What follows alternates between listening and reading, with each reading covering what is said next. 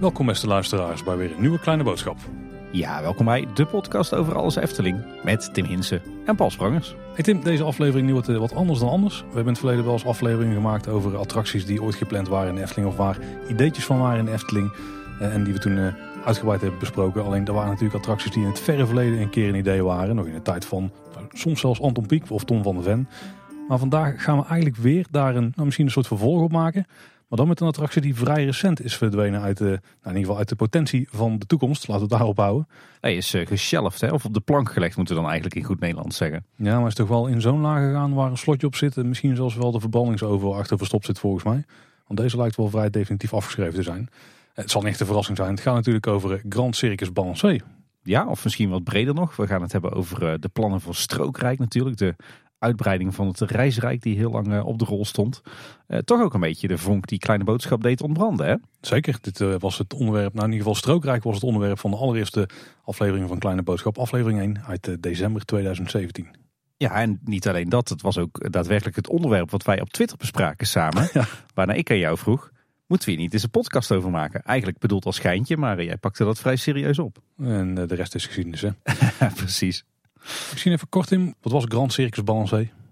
Ja, Grand Circus Balancé was eigenlijk zo'n beetje het, het, eerste concrete onderdeel van de uitbreidingsplannen van de Efteling. Waar we de afgelopen, eigenlijk de afgelopen jaren uh, met veel aandacht naar gekeken hebben. Uh, onderdeel van het uh, bestemmingsplan Wereld van de Efteling 2030. Ook van die toekomstvisie, hè, de Efteling in 2030.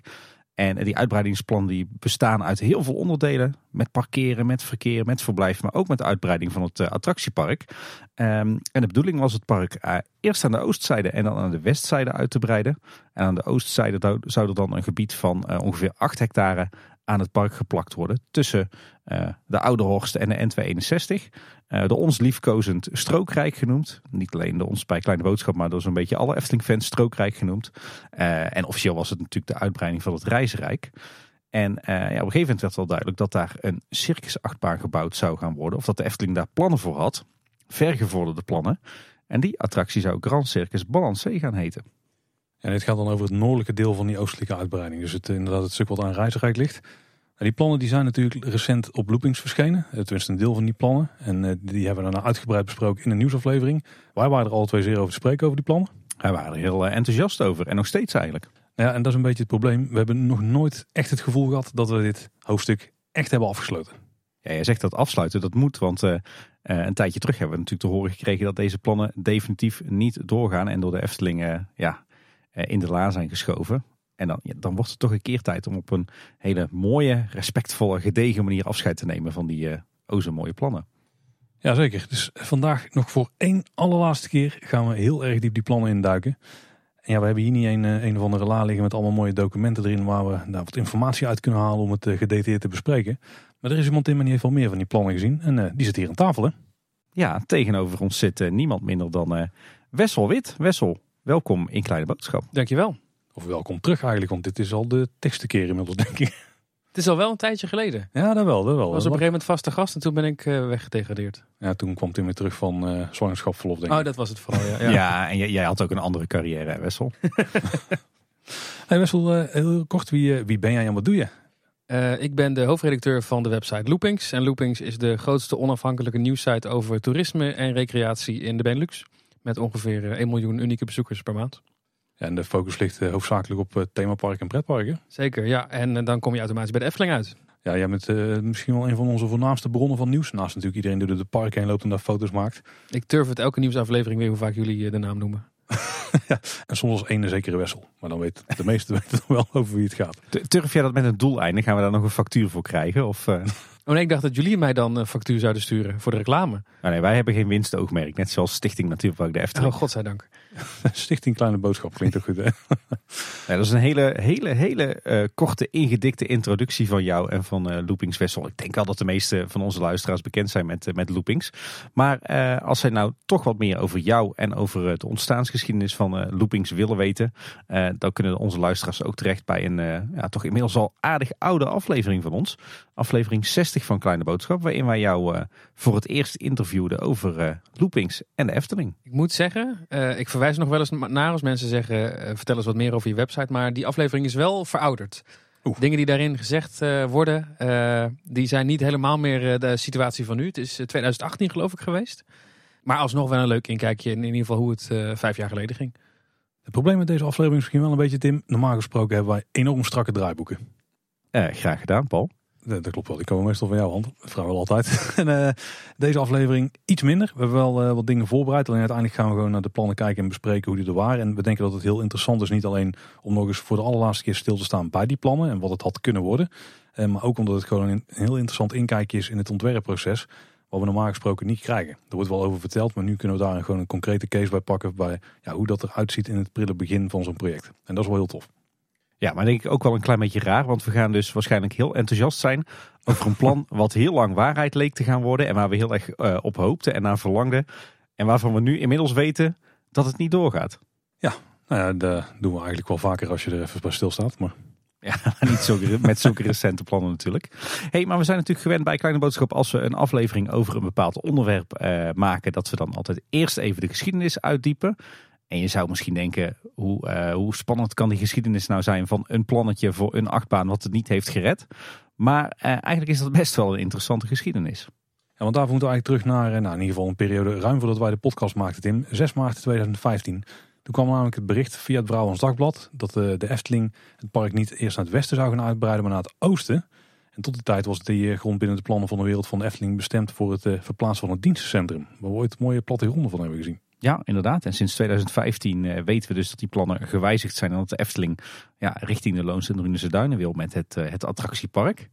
En uh, nou ja, ruim twee jaar later, op 30 december 2017, vormen die plannen dus ja, eigenlijk de aanleiding tot deze podcast, Kleine Boodschap. Want op die dag zonden wij onze allereerste aflevering uit over Strookrijk. Je hebt ons gewoon zo in de tijdlijn gefietst, Tim.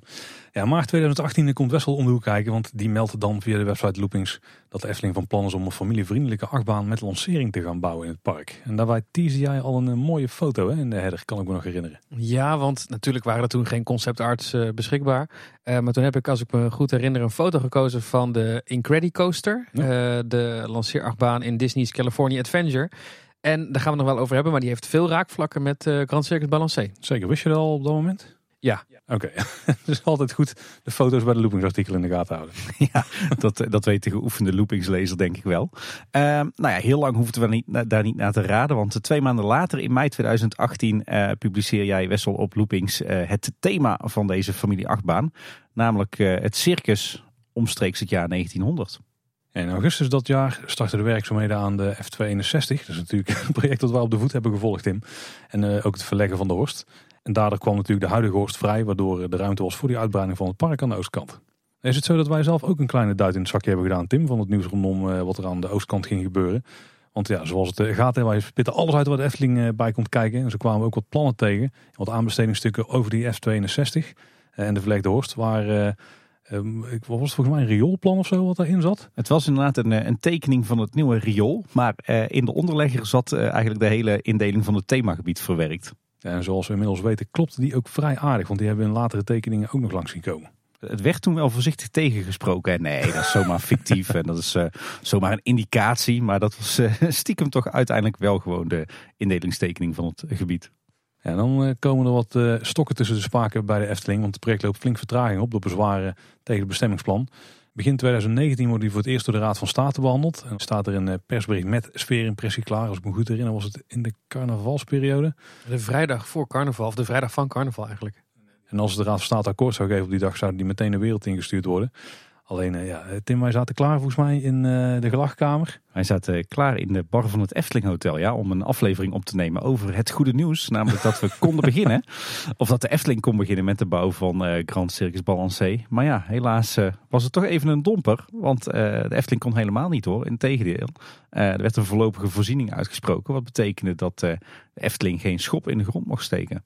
Nou, inmiddels wel de naam van het project ook bekend. Want uh, Loopings die meldt een maandje eerder al dat de naam van de circusbaan Grand Circus Balancé wordt. Volgens mij was ooit nog een hint in een van de afleveringen, uh, hoofdstuk uh, lijstjes gestopt of zo. Ja. En die naam werd ook bevestigd een aantal maanden later in augustus. Want via het Benelux Merkenbureau werd ontdekt dat er twee merknamen werden geregistreerd. Namelijk de Efteling Circus Coaster, geeft wel iets weg. En ook letterlijk Grand Circus Balancé. Dus dat is de naam van het project geweest. Ja, en uiteindelijk moesten we tot 2 juni 2021 wachten tot het bestemmingsplan Wereld van de Efteling 2030 dan eindelijk onherroepelijk werd vastgesteld door de Raad van State. Uh, ik weet nog dat wij toen een hele enthousiaste aflevering maakten, Paul, met uh, de titel We gaan naar Strookrijk toe. In een gezongen vorm in de aflevering. Bijna gelukt. Ja, maar uh, ondanks onze goede hoop werd er niet meteen begonnen met bouwen. Want door de coronapandemie was het geld van de Efteling even op. Ja, die had hier nog een andere kink in de kabel gebracht. Als je nu wil weten hoe die hele procedure is verlopen van het bestemmingsplan en uiteindelijk al die zittingen bij de Raad van State, et cetera. We hebben daar een aflevering over gemaakt. Eh, aflevering 232 samen met Wieke Smit en Ivo Suutmeijer van de Efteling. En die hebben daarin een kijkje gegeven van hoe dat proces nou helemaal is verlopen. Op 24 januari 2022 maakte Efteling bekend dat de uitbreiding op Reizenrijk dat die, op de lange baan wordt geschoven. Uh, vanwege de financiële situatie dus. Eerst gaan ze focussen op projecten binnen het bestaande park, want het zou minder kosten met zich meebrengen. Nou, misschien ook twijfelachtig gezien de budgetten die erbij komen kijken. En dan gaat natuurlijk om de projecten het Efteling Grand Hotel en Dans Macabre toch in totaal 75 miljoen. Had je toch een aardige Circus Coaster van neer kunnen zetten, denk ik. Ja, van origine 75 miljoen. Maar ik geloof dat we inmiddels rond de 100 zitten. Hè? Daar kan je een aardig thema al van bouwen. Maar geen hotel erbij natuurlijk. En dan op 10 januari 2023 eigenlijk de directe aanleiding van deze aflevering. Want dan komt een deel van de oorspronkelijke plannen voor Grand Circus Balancé via Loopings Online te staan. En eh, die hebben we ook uitgebreid besproken in onze aflevering, aflevering 312. En vijf dagen later, helaas, nadat wij enthousiast over die eh, plannen hadden gesproken, werd bekend dat de plannen voor Grand Circus Balancé definitief niet doorgaan. Ook niet in de toekomst. Nou, verluid vanwege duurzaamheid, want ik kunnen het straks misschien nog even over hebben. Het ontwerpteam zou teruggestuurd zijn naar de tekentafel. En alle opties zijn weer open wat betreft de directie voor de reisrijkuitbreiding. Ja, dus in totaal hebben we bijna vijf jaar lang uh, verlekkerd over deze plannen kunnen fantaseren. Uh, bij ons in de podcast, uh, maar misschien ook wel bij jou thuis aan de keukentafel of in bed. We zijn er in ieder geval allemaal vijf jaar druk mee bezig geweest. Ja, en helaas moeten we daar nu, nu, dus een eind aan breien na deze aflevering. Wessel, je hebt wat dingen meegenomen. Een deel daarvan heb je op Loopings kunnen publiceren, een deel ook niet. Misschien eerst even de vraag van waarom staat niet alles op Loopings? Um, meerdere redenen. Het, het, project is zo ontzettend omvangrijk. Er zijn zoveel fases geweest van dit project. Er zijn zoveel vormen geweest van dit project. Want uh, het lijkt gewoon een circus met een achtbaan. Oké, het zal wel een gebiedje eromheen. Um, maar dit project, zoals bij alle projecten in de Efteling, is zo vaak intern veranderd. Uh, er zijn zoveel verschillende versies van. Dat als je alles op loopings gooit, dat het te veel is. Maar het gaat ook elkaar tegenspreken. Dus je wil eigenlijk een beschrijving geven van hoe zou deze attractie worden. Maar dat is heel lastig als de uh, tekeningen niet overeenkomen met wat je schrijft of andersom. Dus ik heb gewoon geprobeerd een rode draad te pakken. Gewoon een grote lijn in het, in het hele project van alles wat ik heb gezien. Uh, en wat ik in handen heb. Um, om daar een beeld van te geven. Um, maar tegelijkertijd wil je ook wel uh, niet alles, zeg maar, je wil niet gewoon PDF-documenten naar buiten gooien. Uh, want er zit ook nog iets als een Efteling hart in mij waarvan ik denk, ja, oké, ik hou van primeurs en ik hou ervan om dingen naar buiten te brengen. Maar je wil niet alle vuile was op deze manier uh, buiten hangen. Dus, nou, uh, vuile was, vuile was. Hele mooie was toch? ja, ik weet niet of ze daar bij de Efteling over eens zijn. Want het, het, grappig, de Efteling heeft zelf uh, die naam nooit genoemd. Behalve dan in een merkaanvraag, Grand Circus Balancé. En de Efteling, als je het officieel vraagt, ja, ze, ze uh, ontkennen nog bevestigen het bestaan van dit hele project. Um, dus wij hebben het hier heel gedetailleerd over een project wat er niet gaat komen, wat er wel zou gaan komen.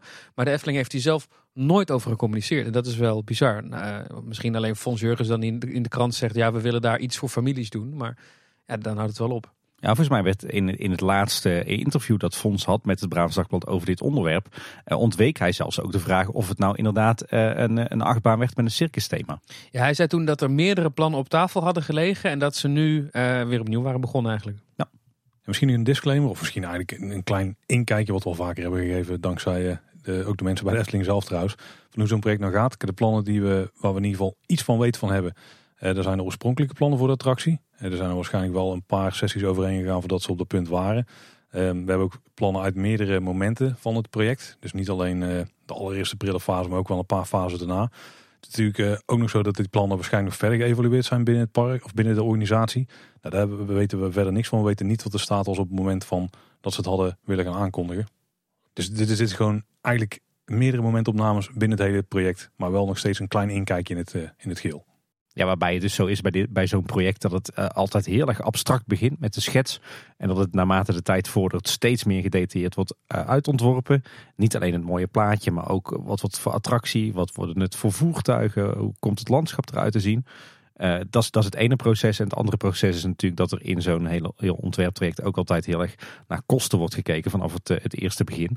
En dat, uh, dat het resultaat daarvan ook invloed heeft op de volgende fase in het ontwerpproces. Als blijkt dat de allereerste mooie schetsen dat die misschien te duur zijn, dan ga je in de volgende fase van het ontwerp dat allemaal wat, wat minder duur maken. En misschien nog een andere belangrijke disclaimer. Er wordt niet meer aan beeldmateriaal gepubliceerd. En dat komt ook een beetje overeen met jouw Eftelinghart van Net Wessel. Want het is ook niet zo dat we de Eftelingen voor de voeten willen lopen en alles op straat willen gooien. Bespreken is heel anders dan het laten zien. Dus we gaan gewoon, ja, jullie moeten het een beetje meebeleven door de ogen van ons. Ja, er komt geen pdf-link in de show notes uh, dit keer. nee, zeker, nee, nee. Want stiekem hopen we natuurlijk dat deze plannen toch weer actueel worden. Ja, misschien met de twist, maar zeker. Dit zijn uh, wat ons betreft, tenminste, dan spreek ik voor jou en mij mooie plannen. We gaan uh, straks horen wat Wessel ervan vindt.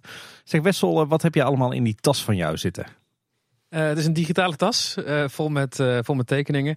Ehm, het is interessant, want het zijn natuurlijk de ontwerptekeningen. de, de mooie tekeningen van, van Karel Willemen en Sander de Bruin en Jeroen Verheij. maar het minst zo interessant zijn de bouwtekeningen van Intamin, de fabrikant van, de, van de achtbaan uit, uit Liechtenstein. En teksten over hoe de achtbaan zou moeten gaan worden.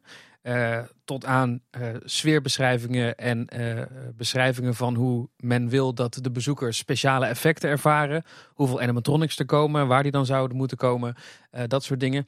En ook leuk foto's van de Efteling en een heleboel andere attractieparken over de hele wereld als referentiemateriaal. Waarbij de Efteling ontwerpafdeling eigenlijk laat zien, we gaan dit niet één op één kopiëren, maar kijk eens naar deze bestrating in dit gebied in Hongkong en kijk eens naar deze rotsen in Orlando. Dat willen we een beetje. En dat is heel interessant om te zien, want dat krijg je natuurlijk nooit te zien als de Efteling een attractie aankondigt. Gaan ze nooit zeggen als we Dans Macabre aankondigen, ja, we zijn uh, in Tokio geweest en daar zagen we deze vulkaan en die rots vonden we zo mooi, die wilden we in Kaatsheuvel ook. Uh, en dat krijgen we nu wel te zien. Ja, we krijgen inderdaad een fantastisch inkijkje in dat hele, hele ontwerpproces. En hoe gedetailleerd en hoe omvangrijk dat eigenlijk is. Hè? Nou ja, laten we de plannen voor Grand Circus Balancé er dan eens bijpakken. En ik word er meteen wel getriggerd door uh, een van de eerste foto's die we tegenkomen. Want daar zien we volgens mij een, eh, een, een, soort werktitel en wat, wat referentiebeelden naar mijn treinen, de Mine Train. En volgens mij zie ik hier een aantal Disney-attracties voorbij komen. Ja, opvallend genoeg niet Big Thunder Mountain. Maar die uh, zal ook wel als inspiratiebron uh, gediend hebben. Uh, het is geen geheim dat de Efteling al heel lang een eigen mijntrein wil. En een mijntrein is dan gewoon een familieachtbaan met ja, soort mijnkarretjes. Met een hele hoge capaciteit. Met iets van trail, maar niet heel spectaculair. Niet over de kop. Dus wel geschikt voor, voor kinderen ook. Maar dan kom je al snel uit op western. En dat wil de Efteling absoluut niet, want dat is niet origineel. Dat is ja, een beetje. Elk park heeft tegenwoordig een mijntrein met een western thema. Dus hoe kun je nou een mijntrein bouwen, maar dan met een Eftelingse kwinkslag? Nou, en dat is dus dat circus thema geworden. Um, en waarom dan een mijntrein? Uh, hele hoge capaciteit, dat is heel belangrijk. En uh, de Efteling had specifiek, omdat ze door willen groeien naar 7 miljoen plus bezoekers per jaar, een attractie nodig voor kinderen in de leeftijd 6, 7, 8 jaar. En de Efteling dacht, het Efteling team, dat een mijntrein daar een geschikte kandidaat voor was. Ja, ik geloof dat het ook echt wel een, een, een persoonlijke wens bijna was van Koen Bertens, de, de oud-directeur. Ja. Het is natuurlijk wel interessant dat ze vrij recent ook een andere achtbaan hebben geopend die niet helemaal dezelfde doelgroep ambieert. Er zit er iets onder, denk ik. Max Moritz is dan echt de instapachtbaan. En dit zou eigenlijk de, het stapje daarboven dan weer worden. Ja, deze zou toegankelijk zijn voor kinderen vanaf vier jaar. Ik vind het moeilijk te zeggen vanaf wanneer Max Moritz toegankelijk is. Dat weten jullie misschien beter dan ik. Kan vanaf drie jaar, dat is gewoon echt een, een lengte dingetje. Maar de kerndoelgroep van deze circuscoaster zal wel echt 7, 8 jaar uh, zijn. Uh, dus een stukje ouder dan bij Max Moritz. Maar het, verbaasde me ook wel toen de aankondiging kwam van Max Moritz. Van oh, maar dan krijgen we straks twee familie achtbanen achter elkaar. Want dat was toen nog wel het plan. Maar uh, ja, ik weet niet of er, of er ook al elementen van het hele circusplan zijn doorgevoerd bij Max Moritz. Van nou, we weten dat die circusachtbaan misschien niet doorgaat. Dan maken we van Max Moritz maar ook een beetje een vrolijke familieachtbaan. Al moet ik natuurlijk wel erbij zeggen, Max Moritz was de vervanger van de Bob. Dus qua attractiewaarde zou het dan nog steeds kloppen in het park. Dat is wel een punt, ja. ja. Ja, en ik geloof dat er ook zo over werd gesproken dat Max Moritz echt een kinderachtbaan was. Een kiddie coaster. Waar dit meer een, een familieachtbaan was. Dus voor een, een bredere doelgroep eigenlijk. Ja. Leuk om te zien dat, uh, dat in de stukken ook een soort programma van eisen zit. Uh, en dan zien we een aantal eisen voorbij komen. Er moet sprake zijn van interactie en keuzemogelijkheden. Een gevoel van snelheid, maar opvallend, uh, de attractie mag niet over de kop gaan. dus ze willen een rit met een echt verhaal. Hè. De storytelling is heel belangrijk. En ehm, dieren en felle kleuren spreken de doelgroep aan. Hm. De dieren hebben we nog wel eens over gehad. Want dan ga je toch met, met circus en dieren en zo is toch een beetje een Hmm. Touchy subject? Nou, ik denk het niet. Om, als je ze uitvoert als animatronics. Ja, maar een beetje cartoony misschien. Niet te realistisch. Ja, nou ja. Misschien moet je ze niet in kleine koortjes stoppen. Uh, dat dat misschien een slecht voorbeeld zou zijn. Maar uh, het is juist natuurlijk heel leuk dat je wil eigenlijk dat ouderwetse circus laten zien. Maar dat is heel zielig voor dieren. Nou, dan maak je de animatronics van. Dat lijkt me natuurlijk een prima oplossing. Ik hoop niet dat de dierenactivisten nu ook al gaan protesteren tegen giraffen die eigenlijk robots zijn. Maar je weet het nooit. ik denk dat juist uh, voor dierenactivisten de ideale oplossing is, toch? Ja, ze moeten al die dierentuin ook gewoon volzetten met animatronics. Ik zie hier iemand instemmend knikken. Disney zou het ook goedkeuren.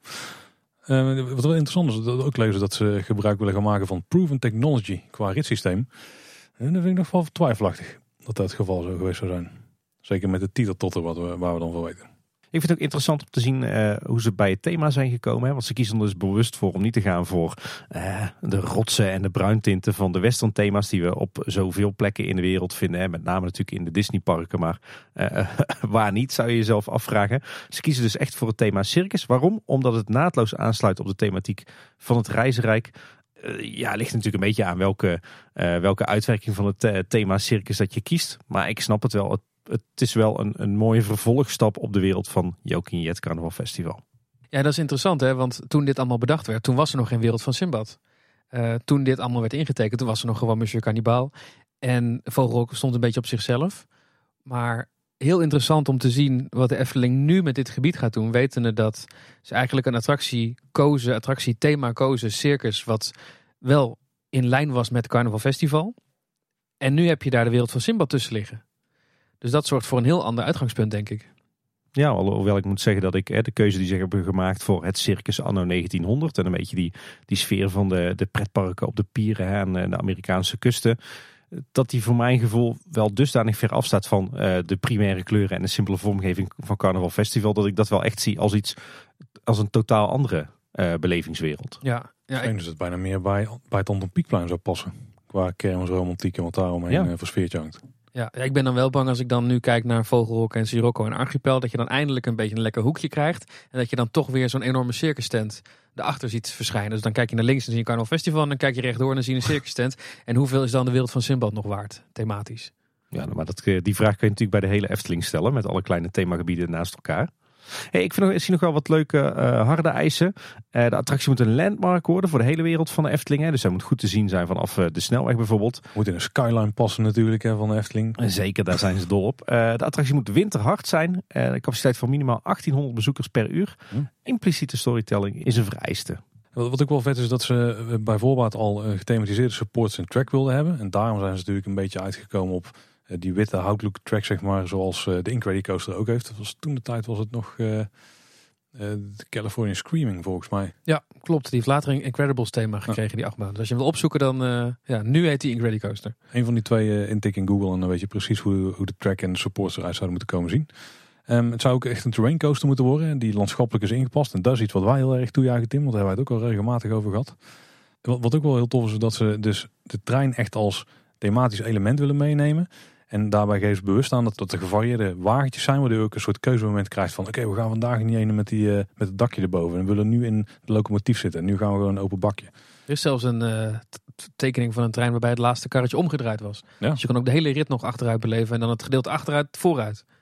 ja, inderdaad. Ja, ja. ja, we zien dat ze eigenlijk aan het begin van het ontwerpproces ook al hele specifieke eisen hadden ten aanzien van die achtbaan. Hè. Er moest een, uh, een uh, spektakelstuk inkomen, een ride special. Ze denken dan aan een whip of een motion platform of een turntable. Nou, dat kennen we natuurlijk later als de teeter totter. Um, maar de trein die moet ook uh, onboard special effects hebben. En het moet een combinatie zijn van een lounge. Hè. Je zou worden afgeschoten in een circuskanon. En eh, de achtbaanrit zelf die zou zowel vooruit als achteruit moeten gaan. Ja, wat we absoluut niet willen is dat het een spaghetti van staal wordt. Past natuurlijk niet qua thematiek. Dan hebben we eh, ook wat mooie foto's van gezien van voorbeelden hoe het dus niet moet. En die zijn wel, uh, die gaan ver. Ik zie trouwens ook in de plannen dat er mogelijk een eh, extra treinstation in Rijsrijk gerealiseerd zou gaan worden rondom deze plannen. Maar dat is puur ter indicatie. hè? Ja, dat is ter impressie, Paul. Zeg Wessel, we kennen nu al een aantal momenten waarvan vanaf het begin al bekend was dat die in de attractie eh, moesten komen te zitten. Maar ik ben wel benieuwd, was er ook al iets van een storyline uitgewerkt? Eh, ja, eh, zeker. En dat zal je niet verbazen dat het helemaal over dat circus gaat. En dan wel specifiek het achtste wereldwonder. En het achtste wereldwonder zal een niet eerder vertoonde duizelingwekkende balanceeract worden. Ehm, en het grappige is dat eh, deze attractie een eh, mannelijke hoofdrolspeler krijgt die iedereen welkom heet. Nou, dat is heel origineel in de Efteling, want dat zien we nog nergens. Nee. Behalve dan bij eh, Lugo van de Loonse Duinen en Willem van der Dekken en Gustav Hoogmoed en zo. nou, zoiets zouden we weer krijgen en dat zou in dit geval de circusdirecteur worden. Zou het een animatronic worden? Ja, Kijk, ja, dat hebben we echt nog nooit gezien in de Efteling. Nee. nee. Nee. En die circusdirecteur die heet dan iedereen welkom en die zegt goed nieuws, want de gasten, dat worden de hoofdrolspelers. Daarom gaan zij de circustrein in. Daarom gaan zij ook optreden in de piste, in de, in de circustent. Eh, eh, zij worden dus de sterren. Zij worden dus de, sterren van de circusvoorstelling. En eh, omdat zij dus de hoofdact zullen worden van het circus, moeten ze de circus betreden niet via de hoofdingang, maar via de artiesteningang Hmm. voor een auditieronde. Ehm, en ze zullen dus ook als artiesten plaatsnemen in die circustrein voor de grote balanceeract eh, die zal eh, volgen. Eh, zij moeten zich voorbereiden op een optreden. Ehm, dat wordt, de, de spanning wordt opgebouwd. Eh circusdirecteur telt af en ja, het moment is aanstaande. En dan komt eigenlijk de vuurproef. Dat is het moment dat je uit de tent wordt geschoten. En dan krijg je een, Efteling noemt het een doldwaas tracé, capriolen uithalend. Eh, ga je weer terug naar de tent eigenlijk. Maar dat is dus het buitengedeelte van de achtbaan. Eh, een beetje dat eh, terrain gedeelte. Maar ook het gedeelte met een kettinglift. Of in ieder geval een lift over het wandelpad heen. Wat dus de entree zou worden van het gebied. Met die mooie stalen witte balken die eigenlijk hout moeten voorstellen.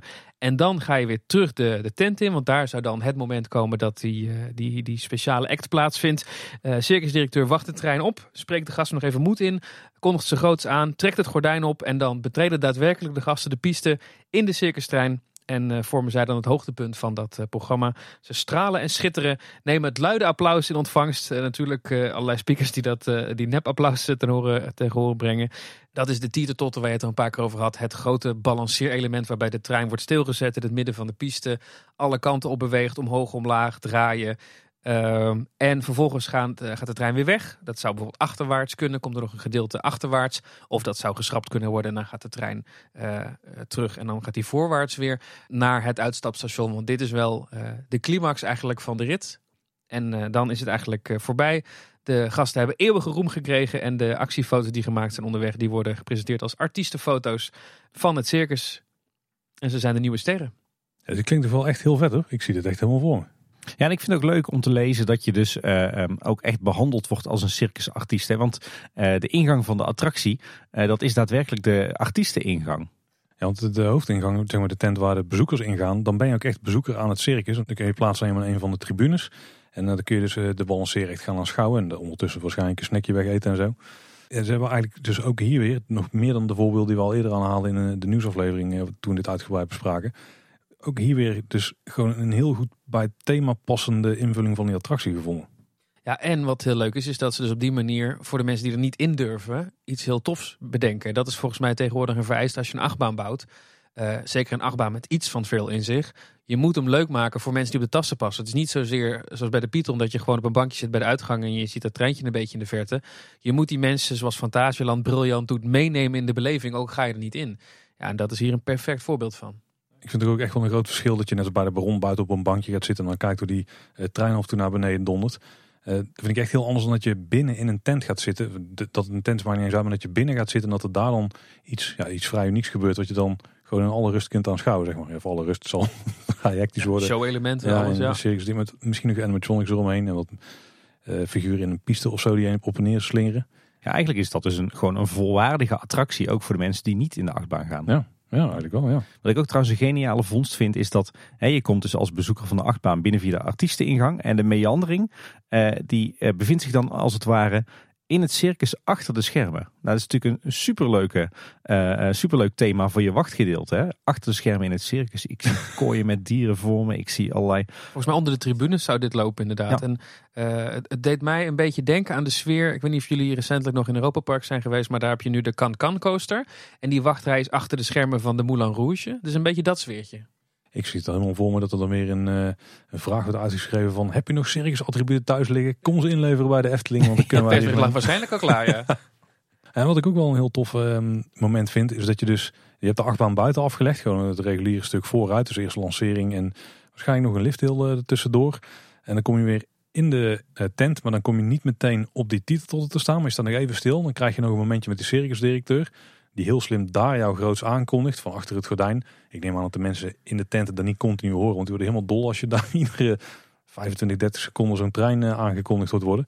Uh, en dat dan het, uh, ik kan me voorstellen dat er wat schaduwspel en zo bij, bij komt kijken. En dat dan het gordijn open gaat en je als een artiest de piste in gaat. Ook wel heel vet gevonden. Ja, en deze attractie heeft ook echt een, eh, een uitloop. Hè? Want nadat je uit bent gestapt, dan komt er nog een heel programma uh, voorbij aan winkels en eten en drinken. Maar ik neem aan dat we die dadelijk verder in de stapel tekeningen wel voorbij zien komen. Ja, we gaan gewoon verder. Ja, het leuke is dat we in dit, dit vroege stadium van het ontwerp eigenlijk ook al een, een heel mooi inkijkje krijgen in uh, wat er eigenlijk allemaal voor effecten bedacht waren voor dit, dit hele themagebied eigenlijk. Nou, één ding wat je natuurlijk kan voorstellen bij zo'n circus terrein, want het is niet alleen de tent, er gebeurt ook van alles omheen, is dat daar eh, kilometers aan ouderwetse prikkabel uh, te zien zouden zijn. Nou Tim, jouw uh, zomer Efteling hart van vroeger moet gaan kloppen denk ik, als een dolle. Ja, daar word ik ontzettend blij van inderdaad, ja. En dan zouden ook allerlei woonwagens op het terrein staan. Dan zouden dan stemmen uitkomen. En daarbij moet je een beetje denken aan dat effect dat natuurlijk ook in de Noordpool vroeger zat. En uh, hey, hey, sta die onder de deur. En in het Leuke Limoenhuis. Ja, we hadden het net al over die prikkabel, maar er was nog meer aandacht voor verlichting. Hè. Zo zouden er van die uh, grote lichtbundels uh, komen te staan op het terrein, die natuurlijk uh, heel indrukwekkend naar, naar boven schijnen de, de lucht in. Maar ook enkele vuurtoortsen in het gebied, ook heel gaaf. En natuurlijk bijpassende muziek. Ja, en je zou dus ook een hoop van het, ehm, de infrastructuur die ze normaal gesproken in de grond leggen, die zou je kunnen zien als thema. Waarschijnlijk is het ook gewoon echt het decormateriaal of zou het moeten worden. Dus waterslangen, kabels, alles hangt daar gewoon over het terrein heen. Ook zouden ze met geureffecten gaan werken. En ze wilden bijvoorbeeld een popcornwagen eh, plaatsen die je dan zou kunnen ruiken met geur van eten en zo. En eh, misschien nog wel hotdogs, en wie weet wat nog meer. Ja, en als je dan naar binnen gaat, dan ruik je natuurlijk zaagsel en het olifantenpoep van het circus. Uh, dat is wel moet, ja. Zeker in uh, de artiestengang waar, waar wij naar binnen gaan natuurlijk. Ja, en uh, het leuke is dat we buiten ook op uh, houten planken zouden gaan lopen. Die dan een beetje rammelen zoals je dat kent uh, uit de stoomcarousel. en waar ik zelf heel erg warm voor van word, is dat het hele themagebied aangekleed zou worden. Met heel veel vlaggen en banieren en affiches en signing die we natuurlijk kennen. Van dat, ja, weet je, dat sfeertje van het circus rond 1900. Ja, ze zouden nog veel meer gaan doen met geluidseffecten. Want ze zouden bijvoorbeeld ook in de wachtrij, als je dus de oude artiestingang binnen zijn zou die suggestie van uh, dat er mensen wonen en zo gewekt moeten worden, maar ook dat er repetities plaatsvinden. we zouden ook een kijkje gaan nemen daar bij de griem en bij de kleedkamer. Ja, en het is leuk dat uh, er ook gewerkt wordt met uh, lichteffecten. Uh, sowieso de suggestie van beweging natuurlijk achter de, achter de schermen. Maar ook dat af en toe de lampen uitvallen. Dus ik kan me voorstellen dat er dan zo'n effectje is dat in één keer het weer donker wordt. Want ja, het is achter de schermen van een circus en dat is misschien niet helemaal goed aangesloten. Dus met dat soort dingen de sfeer oproepen, dat kan de Efteling heel goed. Ja, wat ze hier heel slim uh, wilden gaan doen, is wat ze natuurlijk uh, al een beetje hebben geleerd bij Bron 1898. Namelijk dat je uh, niet per se kiest voor het maken van een, een loods en vervolgens daarvan alles tegenaan plakken om het thema, tot een thematisch kloppend verhaal te maken. Nee, gebruik maken van de constructie die je toch al nodig hebt. we zouden tribunes gaan krijgen in die circus tent. en op de plek waar de meandering zou komen, dan zou je ook echt tegen de onderkant van die tribunes aankijken. Ook zouden ze de, de trein echt uh, tot leven willen laten komen door een hoop stoomeffecten rondomheen te doen. Ik denk niet in de trein zelf, maar op de plekken waar hij even stilstaat. Dus bijvoorbeeld als hij door het gordijn uh, de piste in zou rijden. Maar ik neem ook aan met de lancering. Ja, en bij die lancering, dat zou de plek zijn uh, waar we kennis maken met die circusdirecteur als animatronic. Uh, en op het moment dat het, uh, het kanon wordt afgevuurd, van uh, waaruit je trein natuurlijk wordt gelanceerd, dan zouden er ook heel wat, wat effecten te zien zijn. waaronder een enorme rookexplosie. Zoals we die natuurlijk kennen van Space Mountain in Disneyland Parijs. Ja, en niet alleen zien, maar ook voelen. Je, je voelt ook de warmte en je hoort het knetteren. dus het is echt een, een spektakel natuurlijk, het afschieten van dat kanon. Ja, en ik zie hier ook dat ze, uh, dat ze zelfs uh, lichteffecten uit het kanon willen laten komen. Een beetje zoals uh, de witte wieven worden geprojecteerd in de pre-show van Bron 1898. Nou, volgens mij wilden ze sowieso heel veel met licht doen. Want als de coaster dan door de baan heen zou gaan, zouden er ook allerlei lichteffecten en showlicht langs de baan zijn. Want het moet echt een showcoaster worden. Ik kan me voorstellen dat er af en toe wel wat gekleurd licht op komt staan. En het leuke is dat die achtbaan uh, dus niet zomaar een achtbaan is. Het is niet alleen zo dat die stalen trek uh, wordt verstopt achter een, een, witte houten constructie. Maar er zouden ook heel wat vlaggen op de lift te zien zijn. Heel wat decoratieve elementen die doen denken aan het circus anno 1900. maar ook bijvoorbeeld bielzen onder de trek. Iets dat we natuurlijk wel kennen van een aantal mine trains. En wat ze hier zouden gaan doen is ook weer een beetje een herhaling van uh, Baron 1898. Uh, namelijk niet uh, de standaard ontwerpen van de leverancier van de coaster gebruiken. Maar echt in overleg met Intamin proberen om allerlei utilitaire zaken aan zo'n achtbaan. Dus denk aan de hekwerken, aan, aan de roostervloeren. Om die een soort vintage design te geven. Waardoor het niet alleen functioneel is, maar ook meteen thematisch. En wat mij dan heel erg aanstaat is dat als de baan op bepaalde plekken lager bij de grond zou zijn, dat dan echt de, de grond die baan zou omarmen. Dus dat je echt het idee hebt dat je langs het terrein scheurt. Een beetje wat we hoopten bij Max en Moritz van wat daar ja, in het water is gevallen, net als die uh, gouden sleutel. Ja, en als je dan weer terugkomt uh, in de circus na het eerste stukje buiten hè, met, uh, met de achtbaan, dan komen we weer de circusdirecteur tegen. Waarschijnlijk dan een andere animatronic. En dan zou de trein stoppen voor een gesloten uh, gordijn, waarna we een orkestmuziek horen spelen, tromgeroffel. Wordt het, uh, het uh, gordijn geopend en schijnt de volgsport, volgspot recht in ons gezicht. dat is ook wel tof hoor. Ja. Waarna de trein versnelt en met een aardige vaart de piste inschiet. En als je die titel tot erop gaat, dan word je verblind door de volgspot. Die krijg je heel de tijd in je gezicht. Volgens mij ook heel vet als je in die tent zit te kijken en, en daar zie je allemaal voor je gebeuren. En het idee erachter is dat je daarna het licht naar de, tribunes ziet gaan. En dat je dan pas door hebt waar je op staat. En uh, dan, uh, dan bouwen we de spanning natuurlijk opgebouwd. Het orkest ga je dan horen. En dan komen de lichteffectjes. Dan gaat die titeltotter natuurlijk bewegen. Uh, ze zouden ook dan wat hees in het hele, de hele tent willen blazen. Zodat je echt al die, die bundels van licht goed ziet. Ja, en het grappige is ook dat je hier natuurlijk, als je dan toch in die circus tent bent, dat je al die techniek, dus al die spots, de volgspots, de, de catwalks die nodig zijn, alle kabels, ja, die hoeven niet weggewerkt of gethematiseerd te worden. Nee, die mag je gewoon zien. Beetje tegenovergestelde van Symbolica, waarbij ze echt helemaal aan aarde hebben bewogen om alle techniek weg te werken en alle scènes en toch 360 graden te thematiseren. En hier kan alles gewoon prima blijven hangen. En uh, een van die dingen die ik dan wel zo leuk vind, is dat je dan uh, de actiefoto hebt die gemaakt zou zijn uh, op het moment dat je op die titeltotter staat. Uh, en dat dat dus is met uh, ook nep flitslampen uit het publiek. Alsof jij door het hele publiek gefotografeerd wordt. Wat in het echt waarschijnlijk ook zo zal zijn. Want als jij niet in die achtbaan gaat, wil je wel jouw familie en vrienden even op de foto zetten als ze daar op die uh, balansact zitten. Ja, en als je dus dan uiteindelijk de, de, attractie uitloopt en je gaat de winkel in, dan kun je daar dus die actiefoto's ook zien. En die zijn er afgebeeld als artiestenfoto's, want je was natuurlijk de grote held van de dag. Ja, heel gaaf om dit, dit allemaal te lezen. En uh, ja, dit alles dus nog zonder dat er ook maar één tekening aan uh, te pas is gekomen. Het is gewoon allemaal van tevoren uh, textueel uitgewerkt. Als een soort van storyline. Ja, Tim's draaiboek maar dan voor de Efteling. hey, maar nu komen de eerste tekeningen op tafel. Ja, er zijn tekeningen waar we details natuurlijk ook van de bloopings hebben gezien. Nou, de ster van het hele gebied dat daar zou gaan verschijnen is natuurlijk de grote circus tent. En die bestaat uit uh, toch wel wat afwijkende Eftelingse kleuren. Het zit, het zit wel in het straatje van, maar het zouden bijna nieuwe kleuren in het piekpalet zijn. Met, aangevuld met een beetje, ja, toch wel helder rood. Ja, een beetje bordeaux, rood, uh, goud en een aantal uh, blauwtinten. Uh, niet de standaard piekkleuren, maar wel hele passende kleuren. Zowel bij dat circus rond 1900 als toch bij het, bij het Efteling gevoel. En als je de kleurstelling even door de vingers ziet, dan heeft het qua uitstraling en qua detaillering toch echt wel dat romantische sfeertje wat het Anton Pieckplein ook zou hebben. Dan wel veel groter natuurlijk. Ja, je hebt een tent, dus daar voorkomt niet dat je daar gladde oppervlaktes hebt die waarschijnlijk vrij veel vierkante meters zouden bestrijken met dezelfde kleur. Maar dat is gewoon natuurlijk het, ding, het punt als je zo'n groot gevaarte neerzet in het park. Ja, de eyecatcher van het gebied is dus die enorme circus tent. Maar het leuke is dat het niet uh, zomaar een, een is. Het is eigenlijk een hele ranke tent, heel hoog en heel rank. Uh, omgeven door een heel aantal andere punten van de tent. Het, je zou bijna kunnen zeggen, het is een soort uh, huis van de vijf zintuigen in zeildoek. uh, maar dat, dat maakt hem wel veel subtieler dan dat het één uh, groot massief is. en ja, zo te zien zou die hele tent uit zeildoek bestaan. Aangekleed met, met allerlei pironnen, met, met vaandels erop, op vlaggenmasten. maar ook een heel mooi houten front bij de ingang. Wat ja, toch wel een beetje doet denken aan enerzijds natuurlijk de Jugendstil Art Nouveau. En anderzijds het, het houten front van de, het Carouselpaleis. Wat natuurlijk ook een, eh, een element is wat heel erg in het oog springt, is eh, het kanon waaruit eh, de trein wordt afgeschoten. Hè? Dat is echt een beetje Space Mountain, hè? Als je dat zo ziet op deze tekening. Dat is echt alsof het copy-paste is geweest. Een soort buitenverblijf van de Baltimore Gun Club. Zo, je bent de kenner. Er is natuurlijk wel een verschil hier dat er gebeurt nog meer rondom dit gebied dan alleen die hoofdtent.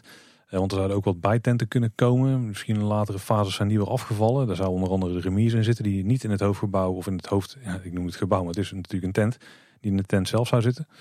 Uh, en daar geeft ook wel meer diepte aan het geheel. Want daar heb je ook nog wat objecten wel verder weg staan in, dezelfde, in hetzelfde thema. Grappige, grappige voetnoot vind ik hier wel dat ze eh, zelf nog niet helemaal zeker waren over de kleurstellingen. daar wilden ze toch nog wat nader onderzoek naar doen. En wat ik dan zo leuk vind om te zien is wat ze dan als referentiemateriaal hebben gebruikt voor een circus tent in een attractiepark. Want je zou zeggen, ja, waar moet je dan in godsnaam gaan kijken? Maar stiekem zijn er best wel veel voorbeelden, zelfs redelijk dicht bij huis. Bijvoorbeeld in Park Asterix heb je een restaurant met een circus thema.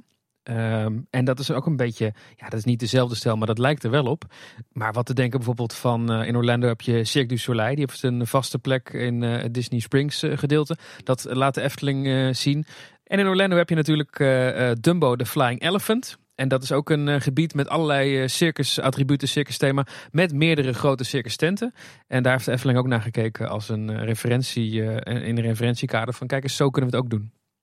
Maar die vorm van de circus tent is natuurlijk niet voor niks, want er was wat ruimte nodig binnen de tent. Sowieso moest de wachtrij voor een groot deel dus binnen plaatsvinden. Je had stations nodig, een, een los unload en een los um, instapstation. Maar ja, die tent had natuurlijk hoogte nodig, want daar die titel tot erin komen. Dus die wipwap waar uh, uiteindelijk de trein op zou moeten komen. En je kunt je voorstellen als een complete achtbaantrein op een soort van wipwap gevaarte moet staan die dus op en neer kan bewegen. Dan komt hij best wel omhoog aan de beide kanten. En eigenlijk rondom in dit geval, want hij kon ook helemaal zijn as draaien. Of voor een groot deel in ieder geval. Um, Plus je hebt dan nog wat showmomenten nodig. Je hebt een plek nodig waar je even kunt staan waardoor je, uh, waarna je dus de tent in kunt draaien nadat de circusdirecteur heeft aangekondigd. Je hebt die lancering nodig die binnen begint. Dus uh, een vrij omvangrijk gebouw, maar daarom dus ook die, die punt in het midden. Want daar komt dan die titel tot eronder met een hoop showtechnieken boven. En aan de buitenranden, onder andere onder de tribunes, maar ook uh, zelfs daarachter. Daar zouden dan alle, ja, alle randzaken zitten, zeg maar. Ja, dat vind ik nog best wel een eye-opener. Want ik dacht altijd, oh, dit wordt gewoon een, eh, een circus tent waarin dat, dat element staat, hè, die teeter Maar ja, je ziet nu eigenlijk op deze tekeningen die we voor ons hebben, dat het, dat het op zichzelf nog een, ja, eigenlijk bijna een gebouw is. Hè, waarin op de verschillende niveaus in die ringen om de tribunes heen Onder meer toiletten zijn uh, ondergebracht, horeca, uh, een winkel. Dus het is echt, ja, het is echt een, een enorm attractiegebouw eigenlijk. En dat blijkt ook wel, want ik zie hier nu dat, uh, dat de doorsnede van de tent maar liefst 50 meter zou zijn. En de hoogte van de circus tent ruim 36 meter. En dan, dan hebben we het echt over de punt van de tent. Daar komt nog een enorme vlaggenmast bovenop. Dus ja, om een idee te geven, ik denk dat, dat deze circus tent bijna net zo hoog als de pagode zou zijn. Als je de vlaggenmast meerekent. En het grappige is, Fons Jurgens heeft deze attractie besproken in het Brabants Dagblad in 2018. Niet zeggende dat het een circusachtbaan zou worden, maar toen werd er naar gevraagd wat wordt het. En toen zei hij, de nieuwe attractie wordt geen kleintje, maar zeker geen 60 meter hoog en ook niet schreeuwerig. We zijn en blijven een natuurpark en kijken goed naar inpassing in het bestaande landschap. Terwijl als ik dit zie, ja, dit is inderdaad geen 60 meter, maar het is toch wel behoorlijk. Zeker als het 36, ruim 36 meter is zonder de vlaggenmast nog bovenop. Schreeuwig, ja, daar zijn de meningen over verdeeld. Ik denk, het is op zich, circus is aan zich al, zelfs als je het heel uh, sfeervol doet, toch nog best wel een schreeuwerig thema. Je kan er een hoop bomen omheen zetten. ja, dat zeker. Een beetje in het groen. Um, maar die omschrijving is, zette, zette mij wel op het verkeerde been destijds. Ja, het leek een beetje een afleidingsmanoeuvre misschien te zijn. Ook voor de buurt natuurlijk, die uh, vreest voor een uh, freefall tower. Uh, ja, die 60 meter was wat dat betreft, die is het in ieder geval niet geworden. Het is natuurlijk wel zo dat alles wat we hebben gezien zijn tekeningen. En in tekeningen komt het allemaal net wat aangezet erover, omdat het waarschijnlijk in de werkelijkheid zou zijn. Zeker als daar één of twee jaar een zonlicht overheen is gegaan. Maar het is wel waar, een circus, ja, dat is wel meer schreeuwig. Dat, dat, is een beetje het hele idee ervan. Er is wel, reuring in de stad op het moment dat circus er is. Ik neem aan dat dit gebied er ook wel zou uitstralen. Hey, laten we eens wat meer inzoomen op hoe die uh, circus tent ingedeeld zou worden. Wat dus veel meer is dan alleen een circus tent. Het is gewoon een enorm showgebouw eigenlijk.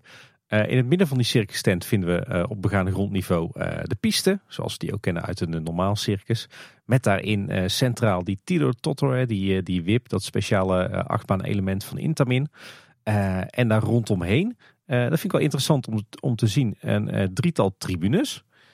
Maar ook oppervlak om daadwerkelijk in de piste te spelen. Ja, aan de rand van de piste voor zekerheid. Niet direct onder die titeltotter. Dat is gewoon een onbegaanbaar gebied. Maar eromheen is het inderdaad gewoon een speel, mini speeltuintje binnen of zo. Ja, een indoor speeltuin denk ik van 80 vierkante meter groot. En fascinerend ook een stukje voor participerend circus. Zouden daar bezoekers zelf circustrucs kunnen gaan uithalen? Misschien op een bal lopen of op een, een eenwieler rijden? Nou, stel je komt dus de, de tent binnen als hooggereerd publiek, dus via de hoofdingang. Dus niet als degene die de rit gaat beleven. Dan loop je eigenlijk direct tegen het uh, participerend circus aan. Met daarachter dus in het midden die titeltotter. Die zou dus een uh, cirkel vormen in het midden van, het, uh, van de tent. Daaromheen bevinden zich allerlei dingen die je kunt bezoeken. Zo heb je daar toiletten zitten, je hebt er wat horeca. Je hebt daar dus het binnenspeelgedeelte waar jij het net over hebt. die drie tribunes. Je hebt ook nog een merchandise of een winkel dus aan de binnenkant zitten. Vrij groot, 140 vierkante meter ruim. Ja, wat we natuurlijk ook niet mogen uh, vergeten is dat uh, aan één zijde van de tent uh, de tribunes zijn onderbroken. Want dat is waar natuurlijk de achtbaantrein de tent inrijdt en daarna weer uit wordt geschoten. En daar komt ook een groot gordijn te hangen waarmee dat ja, aan het oog wordt ontrokken. En, en ik heb dus de indruk dat, uh, dat het, hart van die tent waar die titel tot al staat, dat dat een afgezet gedeelte is. Misschien staat dat wel eh, in het zaagsel. En daar rondomheen uh, komen volgens mij allemaal houten planken te liggen waar je overheen kunt lopen. Dus als je als publiek wat niet in de achtbaan gaat binnenkomt, dan kun je als het ware gewoon 360 graden rondlopen om die titel tot doorheen. Om zo dus bij de merchandise te komen, bij de binnenspeeltuin te komen, bij de toiletgroep te komen. Dus het voelt ook een beetje als, uh, als ja, een ruimte waarin je gewoon vrij rond kunt dwalen en, uh, en nagelang je behoeftes een plekje kunt nemen op, in kunt nemen op de, de tribune of een van de andere voorzieningen in de tent bezoekt. Ja, en de uitgang die loopt dus zoals we van de Efteling kennen door de souvenirwinkel heen. En iedereen die in de achtbaan is geweest, die komt ook weer in de circus tent uit. Dus die kan dan weer uh, de mensen die er niet in zijn geweest weer treffen die op de tribune zaten te kijken. Dus je komt niet buiten de tent uit. Dat is wel slim. Nou, en dan kun je ook even bijkomen op uh, een van de bankjes dan natuurlijk. Uh, eigenlijk is alles wat we net bespraken is dan de begane grond van de tent. Een niveau hoger, daar vindt in de buitenring vooral alles rondom de track plaats. Want als je de tent inloopt, en eigenlijk lijkt het zo te zijn dat het punt waar je naar de meandering binnen naar boven gaat, dat je dan eigenlijk meteen in het opstapstation staat. waarbij we trouwens twee trappen naar boven zien komen, dus waarschijnlijk een single rider en een family lane. Uh, met uh, pre-seaten. Nou, dan kun je daarna plaatsnemen in de voertuigen. En dan ga je al vrij snel de lancering heen nadat je een showscène hebt gezien. En de eerste volgende keer dat we terugkomen in de tent, dat is natuurlijk om op de wip te gaan staan daar. Dus dan komen we door het grote gordijn wat je net beschreef Tim. En dan ga je ook achteruit rol je daar weer uit. Uiteindelijk kom je dan weer binnen in de tent. En als je dan uiteindelijk achteruit het stuk baan hebt afgelegd, dan kom je terug de tent in. Wordt de trein stilgezet. Dan gaat de wissel ook om. Maar terwijl de wissel omgaat, moet je eigenlijk uitstappen. En vanuit daar loop je dus eh, naar beneden de merchandise ehm, eh, ruimte in, dus de winkel. Dan rolt de trein weer naar voren. Dan gaat hij in eh, de, de wachtpositie staan, zeg maar, zodat de volgende trein weer achteruit de tent in kan rollen. En daarna rolt het station en dan kunnen mensen weer instappen. Ja, en vrijwel de volledige 360 graden rond op de eerste verdieping van die tent wordt als benut met, met achtbaantrek. Ik zie hier ook volgens mij een remise waar een trein achterwaarts ingeschoven kan worden. Dus ja, op die eerste verdieping in de tent ligt, uh, ligt de achtbaantrek. Ik zie hier trouwens ook dat de drie tribunes ieder 80 personen kunnen herbergen. En die tribunes hebben aan de buitenranden natuurlijk eh, trappen zitten, waarmee je dus bij alle rijen van een tribune kunt komen. Maar als je nu helemaal oploopt, dan kom je ook nog bij een soort bovenomloop. En daar vinden we horeca, uh, ook best wel groot. Er is een ruimte geclaimd van 260 vierkante meter je hebt daar eh, zelfs een VIP-terras wat dan eh, boven het punt zit waar de treinen naar binnen komen rollen. Maar je kunt eigenlijk de, de bovenring kun je gewoon helemaal op 360 graden ook rondlopen.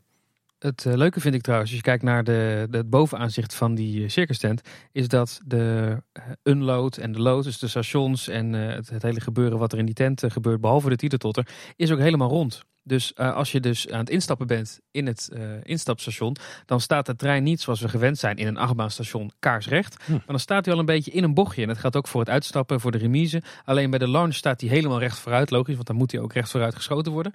Maar ik ken eigenlijk zo uit het hoofd heel weinig achtbanen waarbij de trein in het station al gebogen staat. Doet me een klein beetje denken aan het station van de Revolution in Bobbejaanland. Ja, dat is een goed voorbeeld. Oh ja, ik heb er laatst een gedaan in Tripsdrill. Die, uh, die keverbaan of dat ding.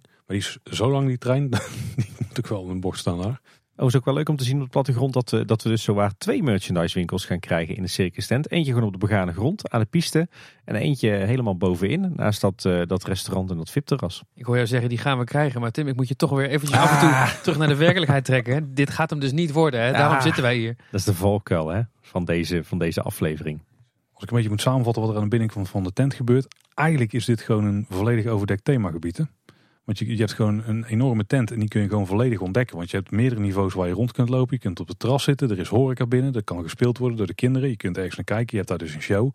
Zelfs bij de horeca is het niet alleen even snel wat afhalen. Je hebt ook het VIP-terras waar je nog kunt verblijven. Je kunt onder in de tent nog naar de toiletten. Niet onbelangrijk natuurlijk. En eh, we hebben daar nog een winkel zitten. Ja, dit is gewoon eigenlijk het complete plaatje. Sterker nog, alles wat in heel de Huiverwoud gebouwd wordt, wat daar gerealiseerd wordt, al die elementen zitten hier ook nog los in. Maar dan in een tent. Zeg ik iets heel raars als dit me ook wel een klein beetje doet denken aan Woestown in is grappig. Ik dacht daar net aan, ik wilde het eigenlijk niet zeggen.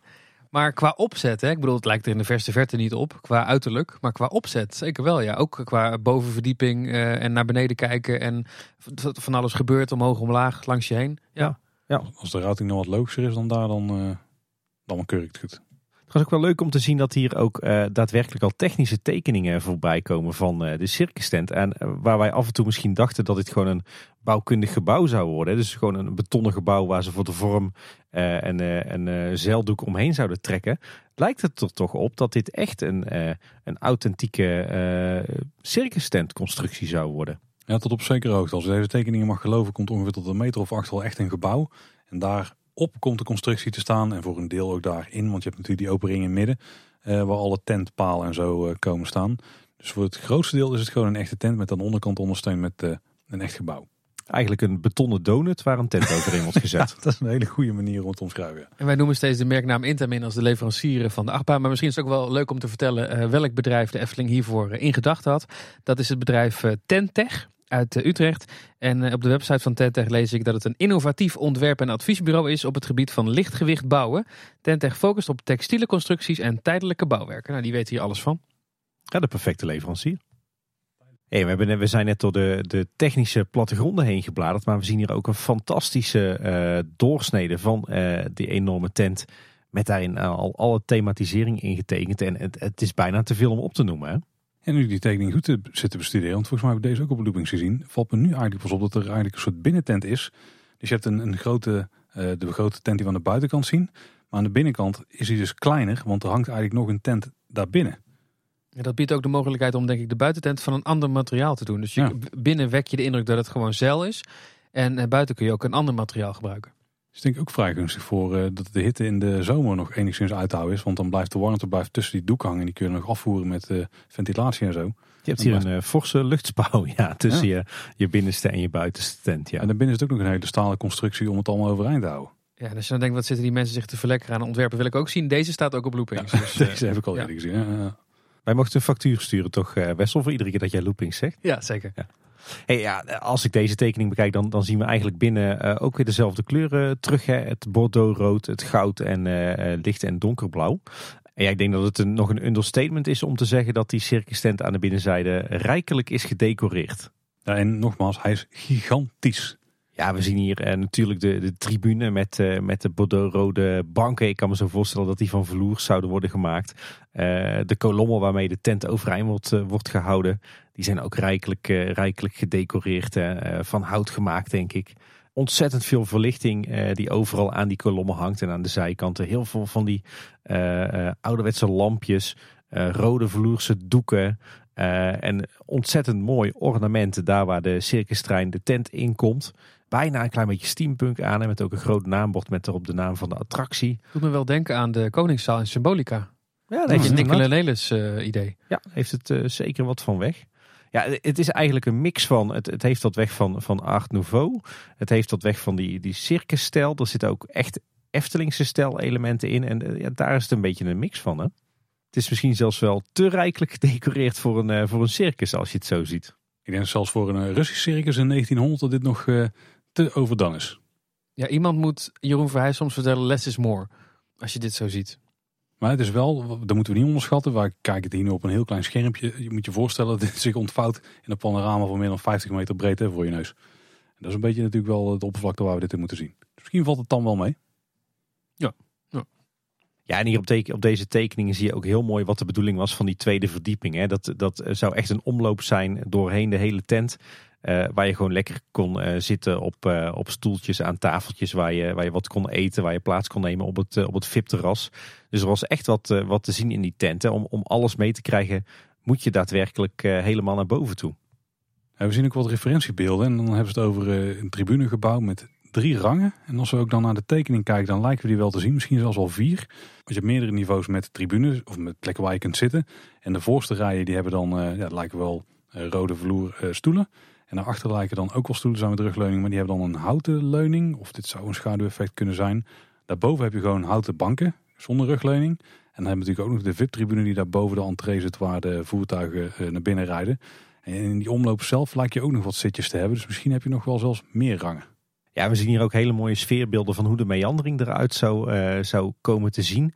En ja, we krijgen dan echt de indruk dat we echt helemaal achter de schermen in het circus zijn. Waar het een ontzettend rommeltje is. Waar alle attributen staan opgesteld uh, die in de show gebruikt gaan worden. Met houten planken op de vloer. Uh, ja, een beetje een heel rommelig, shabby sfeertje bijna. Je hebt echt het gevoel dat je hier achter de schermen loopt in het circus. En nu gaat Tim's hart helemaal sneller kloppen, want een van de andere referentiebeelden is van het prachtige carouselpaleis uit de Efteling zelf. En dan met name het gevoel van tijdelijkheid natuurlijk, want een circus staat er maar een paar weken normaal gesproken in de stad. Uh, ja, Tim, jij moet hier ook verlekkerd naar kijken. Al zijn het foto's die je natuurlijk al lang kent van het carouselpaleis, maar dat de Efteling die sfeer omarmt voor een nieuwe attractie. Ja, ik uh, vochtige oogjes hoor van uh, geluk hier. Misschien is het een goed moment om even in te zoomen op die titeltotter, of zullen het gewoon de WIP noemen, want dat is wel wat het is. Titeltotter is ook gewoon letterlijk Engels voor een wippen. Ja.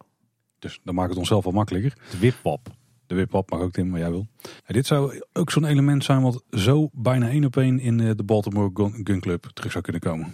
Ja, bijna alsof het uh, broertjes van elkaar zijn, hè? Nou, het, het, kanon en de wipwap. Het is wel het meeste steampunk element van het uh, geheel. Maar het komt vooral omdat er ook een paar grote tandwielen, een paar grote raden aan zitten. En ook door de vorm en ook dat er allemaal van die doeken aan hangen en van die flosjes. Ja, en, mooi om te zien dat dit, dit ding al helemaal uh, in 3D was uitgewerkt. Hè? Want we zien hier verschillende renders uh, uit een 3D-programma. Het helpt trouwens ook niet, is ook niet te bedenken dat er vleugels uh, aan zitten. het geheel. Maar die tekeningen kunnen jullie ook allemaal op Blooming zien natuurlijk. Ook wel grappig trouwens dat er een soort van wijzer op zit. Want die, die WIP die heeft, heeft eigenlijk een hele simpele vorm. Je hebt een soort pilon waar dan een platform op zit. Die kan dan dus op en neer en draaien.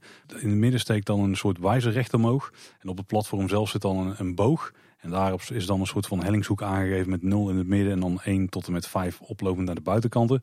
Waardoor als die gaat kantelen, die grote pijl in het midden dus ook die cijfers aanwijst. Het doet me een beetje denken aan wat we bij Baron 1898 zien, waar je ook wat grote, uh, groter dan je zou verwachten elementen hebt aan de zijkant van in dat geval de lifthill. Maar dat heeft het hier ook wel wel van weg. Ja, het doet mij ook een beetje denken aan, uh, aan een wijzer boven een ouderwetse lift, weet je wel. Die dan meegaat met de, de verdieping waar de oh lift zich op ja. bevindt. Ja, je kunt uh, van 0 tot 5 aan beide kanten. Nou, heel tof om te zien hoe dit, dat dit toch een mix is inderdaad van steampunk. Maar ook heel veel circus elementen die we, die we in de tent zien. Hè, die, ook die rode vloerse doeken en ook weer dezelfde uh, kleurstellingen. Het bordeaux rood met het blauw. En volgens mij uh, ontzettend veel uh, flitse lichtjes op die, die wipwap. En hier zien we trouwens ook iets van de, uh, de verdeling binnen het ontwerpteam. Want het, het, het uh, interieur van de circus tent, dat lijkt uh, van de hand van Jeroen Verheij te zijn. Terwijl deze wipwap is naar een ontwerp van Karel Wilderman. Ja, het exterieur is vrij zeker van uh, Sander de Bruin weer. Eigenlijk een, eigenlijk een dreamteam hè? Ja, dit maakt een beetje denken aan een symbolica opzet natuurlijk. Waarbij eigenlijk ongeveer dezelfde mensen daarvoor verantwoordelijk waren. Ja. Ik moet zeggen, ik vind het een, een mooi element. Het, eh, het, het, het is anders dan gewoon Circus 1900. Het is wat meer steampunk, maar het misstaat ook niet. Ik denk dat het juist voor wat afwisseling in thema zorgt in die tent. Nou, wat wel grappig is in het document is dat, dat je ziet dat ze nog heel erg zoekend zijn met de vorm van de trein. Er zijn verschillende ontwerpen voor, van uh, wat meer ingetogen tot wat meer uitgebreid. Maar ook nog met heel veel variatie in hoeveel uh, rijen er zijn. Dus hoeveel uh, mensen er in principe in de trein kunnen. Lijkt een beetje te variëren van 28 tot en met 34. Het heeft toch wel invloed op de capaciteit. En je ziet dat ze ook niet, uh, het niet schromen om de capaciteit wat te beperken. Maar om de trein daardoor wel wat interessanter te laten zijn. Zoals een hele uitgebreide locomotief die dan vooraan zou kunnen staan. Maar ook gewoon daarbij een, een tender waar dus de kolen in liggen. Waar dus maar één rij eh, aan, waar maar één zitrij in zit. Terwijl er in principe twee hadden kunnen zijn. En daarnaast ook nog variatie in dat je gewoon een trein hebt met open instap met beugels. Maar ook soms zelfs een deurtje erbij. En dan sommige met een overkapping, met een hoop attributen erop. Sommige met vlaggetjes. Dus vrij, uh, vrij uitgebreid. Ja, de, treinen van Casey Junior die uh, verbleken hierbij qua thema. Ik moet zeggen, dat is wel een van de meest uitgebreide. Je hebt nog een andere, die heeft een zeer uitgebreide locomotief. Ook met vleugels en uh, vleugelelementen, meerdere plekken zelfs. Uh, de ramen zijn de karretjes iets meer, kunnen we het ingetogen noemen, iets, iets minder rijkelijk gedecoreerd. Beetje een circusversie van de stoomtrein uh, zo. Ja, ja, met nog een lantaarntje eraan en zo. in die uitbundig gedecoreerde variant zien we zelfs uh, giraffen uit de trein komen. En zebra's en aapjes en lampionnen en... Er zitten clowns op de wagentjes en een muziekinstrument hangen eraan. Maar als ik dit zo zie, deze uitbundige trein vol met die elementen, met die aapjes en die, in die, in die poppen en die vlaggen. Ja, dit kan volgens mij praktisch gezien heel moeilijk uh, met uh, hoeveel kilometer per uur de tent uitgelanceerd worden en uh, allerlei helixen nemen in de bossen. Ik denk dat dit meer een sfeerbeeld is dan dat dit daadwerkelijk mogelijk is om te bouwen. Dit is wel echt gewoon hoog mikken, omdat je weet dat er een hoop af moet vallen. Ja.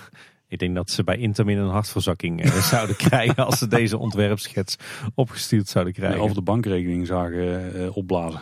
Overigens zien we hier dat de Efteling het ook, ook zelf noemt een trein als rijdend decorstuk. Ja, en dan hebben we niet alleen die Casey Junior, die Circus Achtbaan Disneyland Parijs als referentie. Uh, maar bijvoorbeeld ook weer de Seven Dwarfs Mine Train uit uh, Magic Kingdom in Orlando. Uh, en de Good Old Big Thunder Mountain.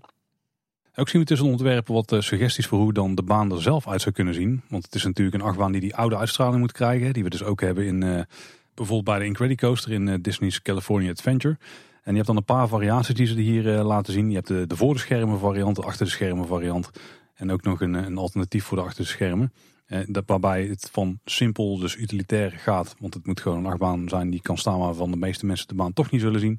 Tot echt een, eh, nou, voor een achtbaan een redelijk gedecoreerde variant. Met eh, eigenlijk op alle kruisverbindingen daar uh, een soort ster-objecten.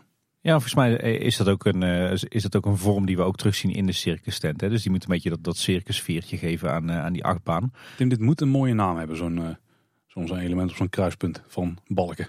Ja, maar kom even ja, ik wou er weer een toevoegen aan het kleine boodschaplexicon, maar, maar die komt later. Doe me een beetje denken aan Connects eigenlijk, die technische tekening. ja, hoe dat zo in elkaar is uh, gezet. Als je van Connects een achtbaanspoor zou moeten bouwen, dan zou het ongeveer zo uitzien. En in Connects heb je ook van die sterretjes waarmee je dus de, de stokjes aan elkaar verbindt. Nou, dat is het een beetje. Uh, het doet mij vooral denken aan, aan de, de oude houten achtbanen op, in bijvoorbeeld Coney Island. Hè? Dat is de vorm ook op geïnspireerd natuurlijk. En de kleurstelling ook met waarschijnlijk een witte baan uh, dat was eigenlijk een witte baan met erop een lichtgekleurde track. Ja, en, vlaggen natuurlijk. Heel veel vlaggen en decoraties. En lampjes. Ja, en de tekeningen die we ook op Bloopings hebben gezien, is ook natuurlijk ook een, een, tekening van Karel Willem, waarbij je een soort van doorgang hebt, waardoor je denk ik het gebied uh, gaat betreden.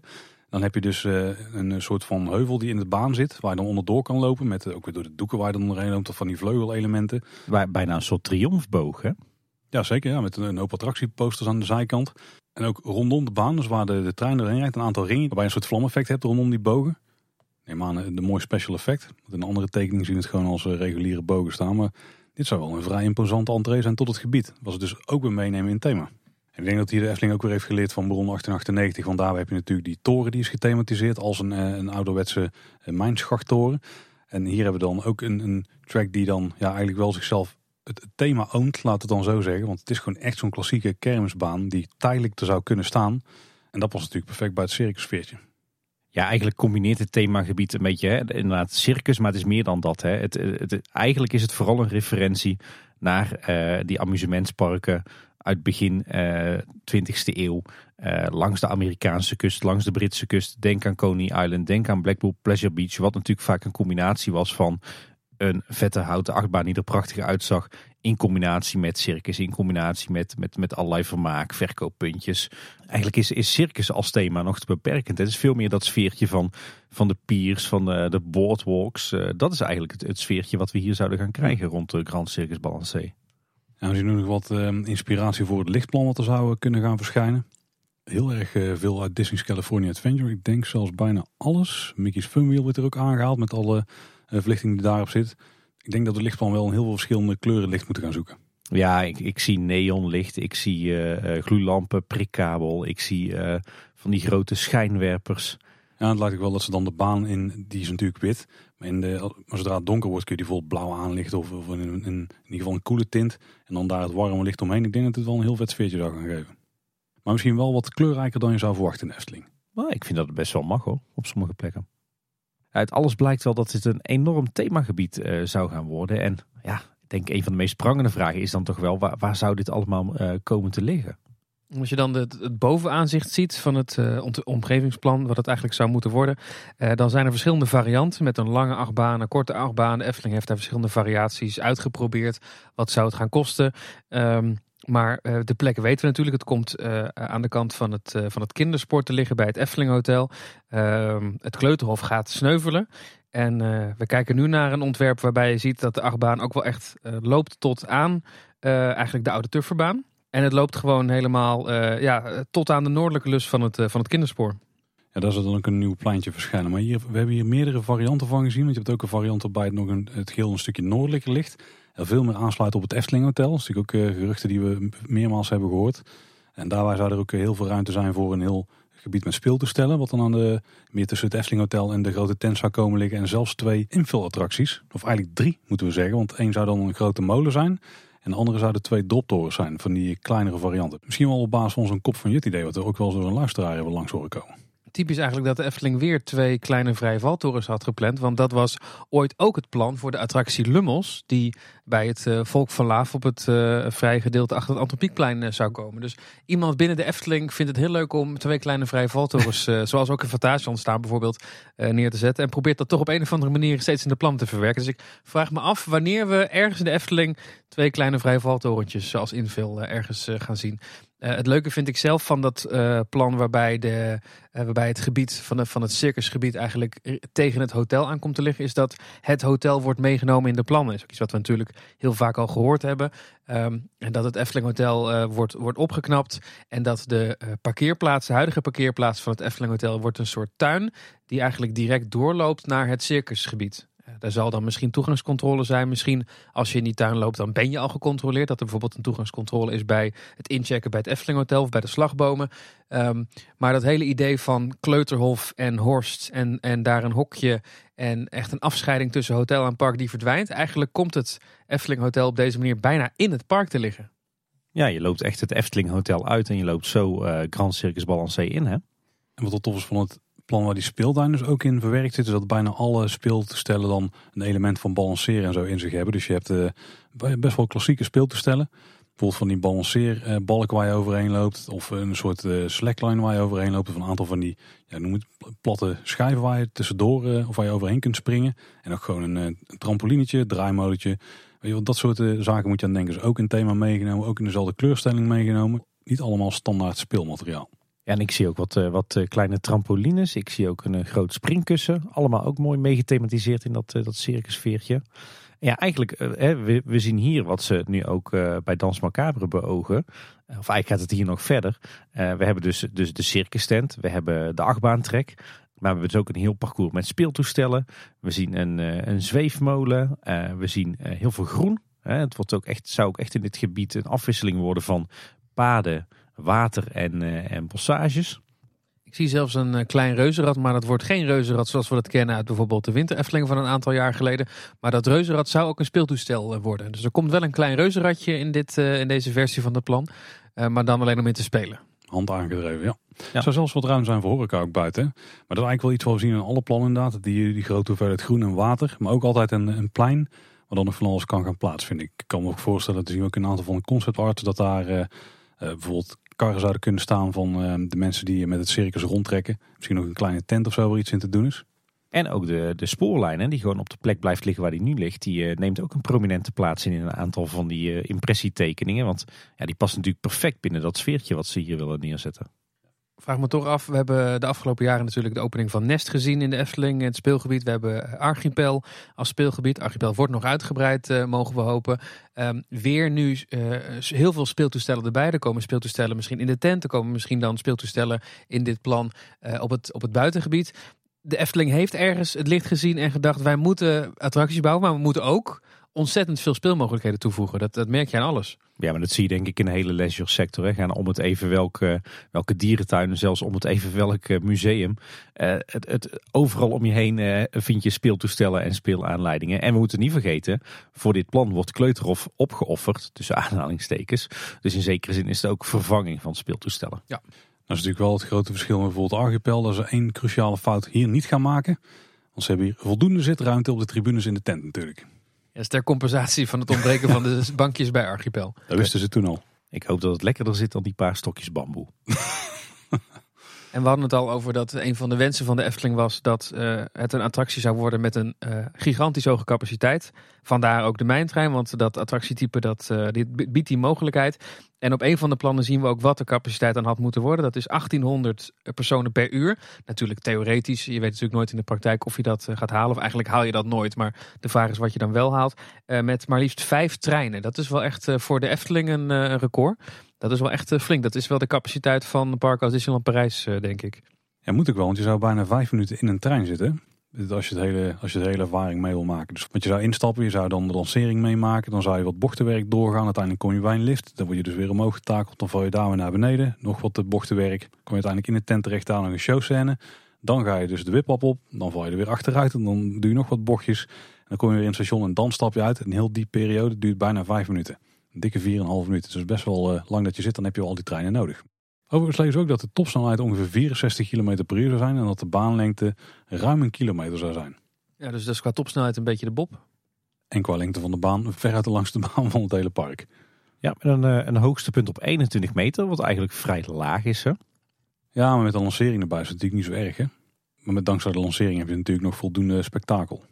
Ja, Tim, jij zegt niet zo hoog, 21 meter. Misschien niet voor een uh, trailcoaster als we het vergelijken met de Goliath uit, uit Walibi bijvoorbeeld. Uh, maar de Python is ook maar 29 meter. Ja, zo verschilt het niet. Nee, de drop van de Python stelt natuurlijk helemaal niks voor. Want die is effectief maar een meter of nou, misschien 12 of 15 of zo. Ja, en hier moet je denk ik toch vooral hebben van uh, de twee lanceringen van vooruit en achteruit van die, die wipwap. Dus het is echt een showcoaster, hè, zoals de Efteling het zelf ook al, al noemt in de werktitel. Je moet het hier vooral hebben van, van de effecten. Als we het hebben over die effecten, is dit dan ook een moment om dan even te kijken naar hoe storingsgevoelig deze baan zou worden? Oeh, ja. Want ehm, deze attractie had moeten komen van Intamin. Intamin is een gerenommeerd bedrijf, veel voor de Efteling gedaan, is nu natuurlijk bezig met Dans Macabre. Um, Intamin bouwt prachtige achtbanen, heeft er uh, dit jaar nog een heleboel uh, geopend. Bijvoorbeeld een Batman achtbaan in, uh, in Madrid, in Park Warner. Uh, Tutati in Park Asterix. bezig met een achtbaan voor, voor Portaventura, die, die deze zomer open gaat prachtige achtbanen, veel speciale effecten, maar ook wel een bedrijf dat erom bekend staat dat als een attractie open gaat, dat er dan veel kinderziektes zijn. En dan heb ik het over normale lanceerachtbanen, zoals uh, Taron in Fantasieland bijvoorbeeld. Maar deze achtbaan die wij nu voor ons zien, die heeft wel zo bizar veel speciale effecten, speciale elementen. Achteruit, vooruit, stilzetten, kantelen, draaien. Er kan zoveel misgaan in dat proces.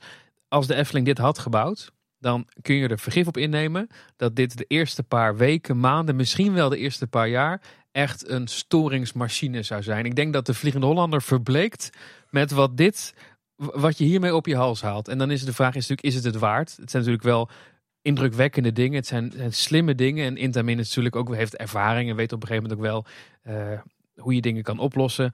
Maar er zit zoveel techniek in met zoveel sensoren. Uh, met zoveel doodlopende gedeeltes. Dat je denkt, ja, een, een lift en een lancering en vooruit en achteruit en draaien. Hoe zien jullie dat? Ik denk dat die wipwap met name het element zou zijn waar de meeste storingen zouden kunnen plaatsvinden. En het nadeel is ook als daar iets mee gebeurt, dan, dan kun je de baan gewoon niet draaien. Want dat is gewoon wel een, een, punt, daar moet je altijd doorheen zeg maar. En je zou kunnen denken dat er misschien een soort van B-modus is. Dat je gewoon erop rijdt, dat hij terug gaat naar het kantelpunt waar je achteruit gaat. En dat, hij dan, dat, dat het al was zeg maar. Ja, Zo'n ding kan je toch wel fixeren lijkt mij. Nee, maar als je erop zit, je kunt niet op dezelfde plek terugrollen. Je moet een klein stukje draaien om uh, weer weg te kunnen gaan. En dan moet ik allemaal lokken. En die sensoren daar, daar zou wel een kritiek punt kunnen zijn. Ik vraag me ook af hoe dat gaat met minder valide. Uh, natuurlijk weten we dat die niet in droomlucht en Villa Volta kunnen. Omdat als ze nou straks stilvalt, moeten ze er met een ladder uit. Uh, in het slechtste geval. Hmm. wat gebeurt er als de Tieter Totter scheef staat en hij valt stil en er is geen beweging meer in te krijgen? Dan je zult toch met hoogwerkers en ladders moeten gaan werken, denk ik. Zo, dat is een goed punt. Ja. Ja, je hebt een paar wissels in de baan zitten. Die hebben natuurlijk nodig omdat er een stukje achteruit in uh, gegaan wordt. Dus dat is wel een techniek waar de laatste jaren heel veel mee gebeurt. Dus ik hoop dat ze die redelijk in de smies hebben. En uh, die wip mm, ja, ja, ja. Ik, ik, ik, vind wel dat ze dit wel zouden moeten proberen. Want ja, ik, zou, uh, ik denk dat de Efteling echt wel klaar is voor een beetje een risicovolle attractie. Echt iets nieuws in de wereld. Ja, het voordeel is natuurlijk wel dat Intermin een gerenommeerd bedrijf is. Dus als daar storingen optreden, die kunnen dat oplossen. Het is geen Koenbak uh, die voor het eerst denkt, oh, we gaan, wij kunnen ook een achtbaan bouwen. Het is geen goedkoop, uh, duurkoop. Het is wel een van de beste, zo niet de beste attractiebouwer uh, ter wereld. En ik vermoed dat die, die verschillende elementen los van elkaar allemaal proven technology zijn. Alleen ze worden hier nu uh, in één attractie samengebracht. En dat is op zich wel slim, want dat maakt die attractie uniek. En dat maakt die attractie een opeenstapeling van spectaculaire elementen die we nergens anders uh, zien. Maar wel allemaal met ja, onderdelen die al eerder in andere attracties is toegepast. En ik denk dat dit een goede tussenweg is tussen Enerzijds het pionierswerk wat we kennen van uh, Droomvlucht en uh, Vliegende Hollander. Nou, we weten allemaal uh, hoe dat is afgelopen. En anderzijds misschien toch de laatste jaren af en toe wat te makkelijk van nou laten we maar kiezen voor echte proven technology. Hè. Laten we maar een houten achtbaan bouwen. Laten we maar een coaster als Max en Moritz bouwen. daar is op zich niks mis mee, maar ik vind het wel heel tof dat de Efteling hier toch echt wat vernieuwends wilde neerzetten op basis van een A-merk, op basis van proven technology. Maar door dat slim te combineren en wat innovatieve dingen te doen, heb je toch echt een unieke ride die je nergens ter wereld zo hebt. En zelfs een droomvlucht en zelfs een vliegende Hollander draaien op dit moment als een zonnetje. Dus misschien moet je ook even door die zure appel heen bijten en, uh, en moet zo'n attractie ook een beetje inslijten. Ja, je bent wel heel optimistisch. Want ik denk dat als je aan de Efteling vraagt wat was, noem nou eens een paar zwarte bladzijden uit de geschiedenis. Dan komen altijd uh, de, de vertraagde openingen van die twee attracties uh, naar voren. Maar wat ik net al zei, dit is geen bouwer die failliet zal gaan tijdens, tijdens het bouwen van de achtbaan. Nee, je moet, je moet denk ik af en toe ook een beetje lef durven te tonen, toch? Als je iets vernieuwends wil doen. Het leuke is dat er in, het, uh, in de plannen die weer op tafel hebben liggen, dat er ook best wel veel aandacht is besteed aan, aan het landschap en de landschappelijke inpassing. Nou, we zeiden al eerder dat dit echt een terrain coaster moet worden. Hè? Dat is een achtbaan, die staat dus niet op, op palen en die doet zijn ding. Nee, die, die volgt eigenlijk de natuurlijke glooiingen in het terrein. En het leuke is dat ze hier eigenlijk twee landschapstypen met elkaar willen, willen gaan combineren in dit themagebied. Namelijk enerzijds een meer landschappelijk beeld, dus met wat meer wat ruigere natuurlijke beplanting en, en glooiingen en stenen. Uh, maar anderzijds met ook uh, ja, gecultiveerde uh, gedeeltes ertussen. Dus daar waar de mens wel heeft, heeft ingegrepen. En we zien hier wat sfeerbeelden die me vooral qua natuur en landschap heel erg doen denken aan Schotland. Een beetje de Engelse cottages met die mooie smeedijzeren bruggen. Ja, het moet een beetje de combinatie zijn van, van mensen en natuur.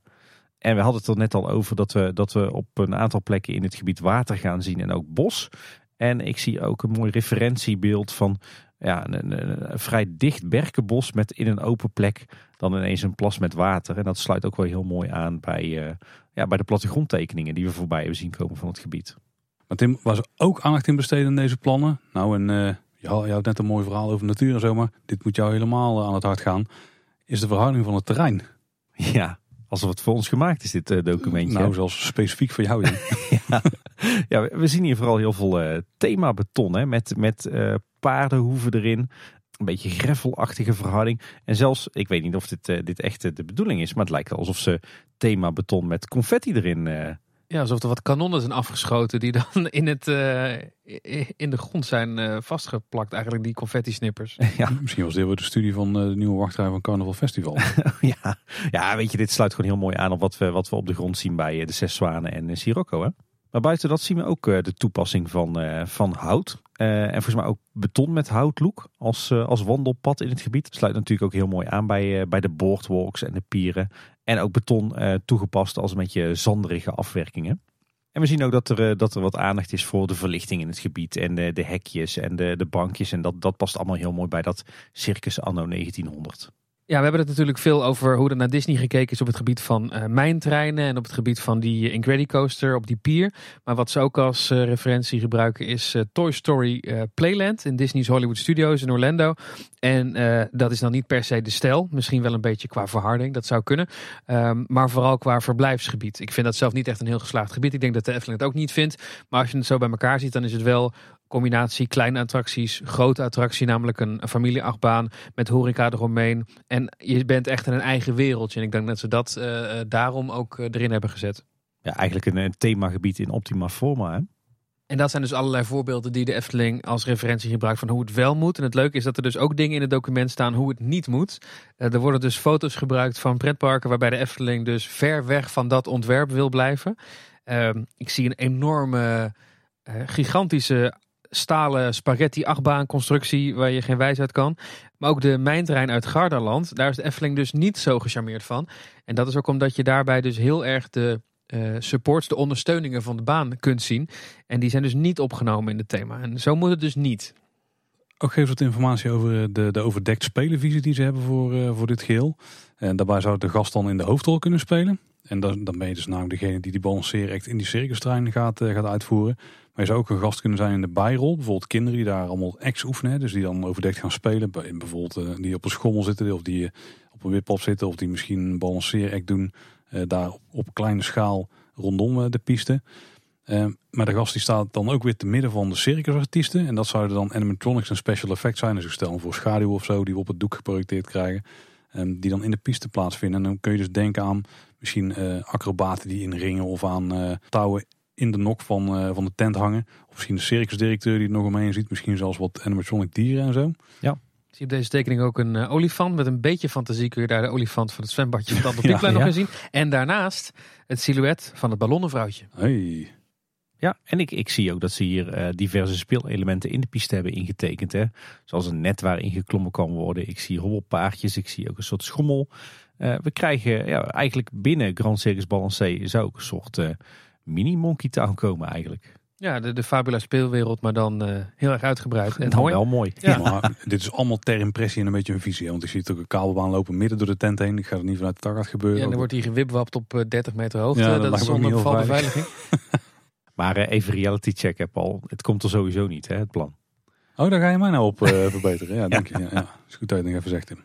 En een ander leuk concept wat hier ook wordt uitgewerkt... is het, het eten en drinken op de tribune we weten dus dat we op verschillende plekken in het themagebied uh, horeca zouden krijgen. Onder meer op de, de tweede verdieping van de omloop van, uh, van de circus tent natuurlijk. Maar ik kan me ook zomaar voorstellen dat er op de begane grond ook nog wel verkooppuntjes uh, zouden zijn. En het was dan ook de bedoeling dat je die tijdens het kijken naar die balanceeract van de achtbaantrein... dat je dat gewoon op de tribune kon opeten.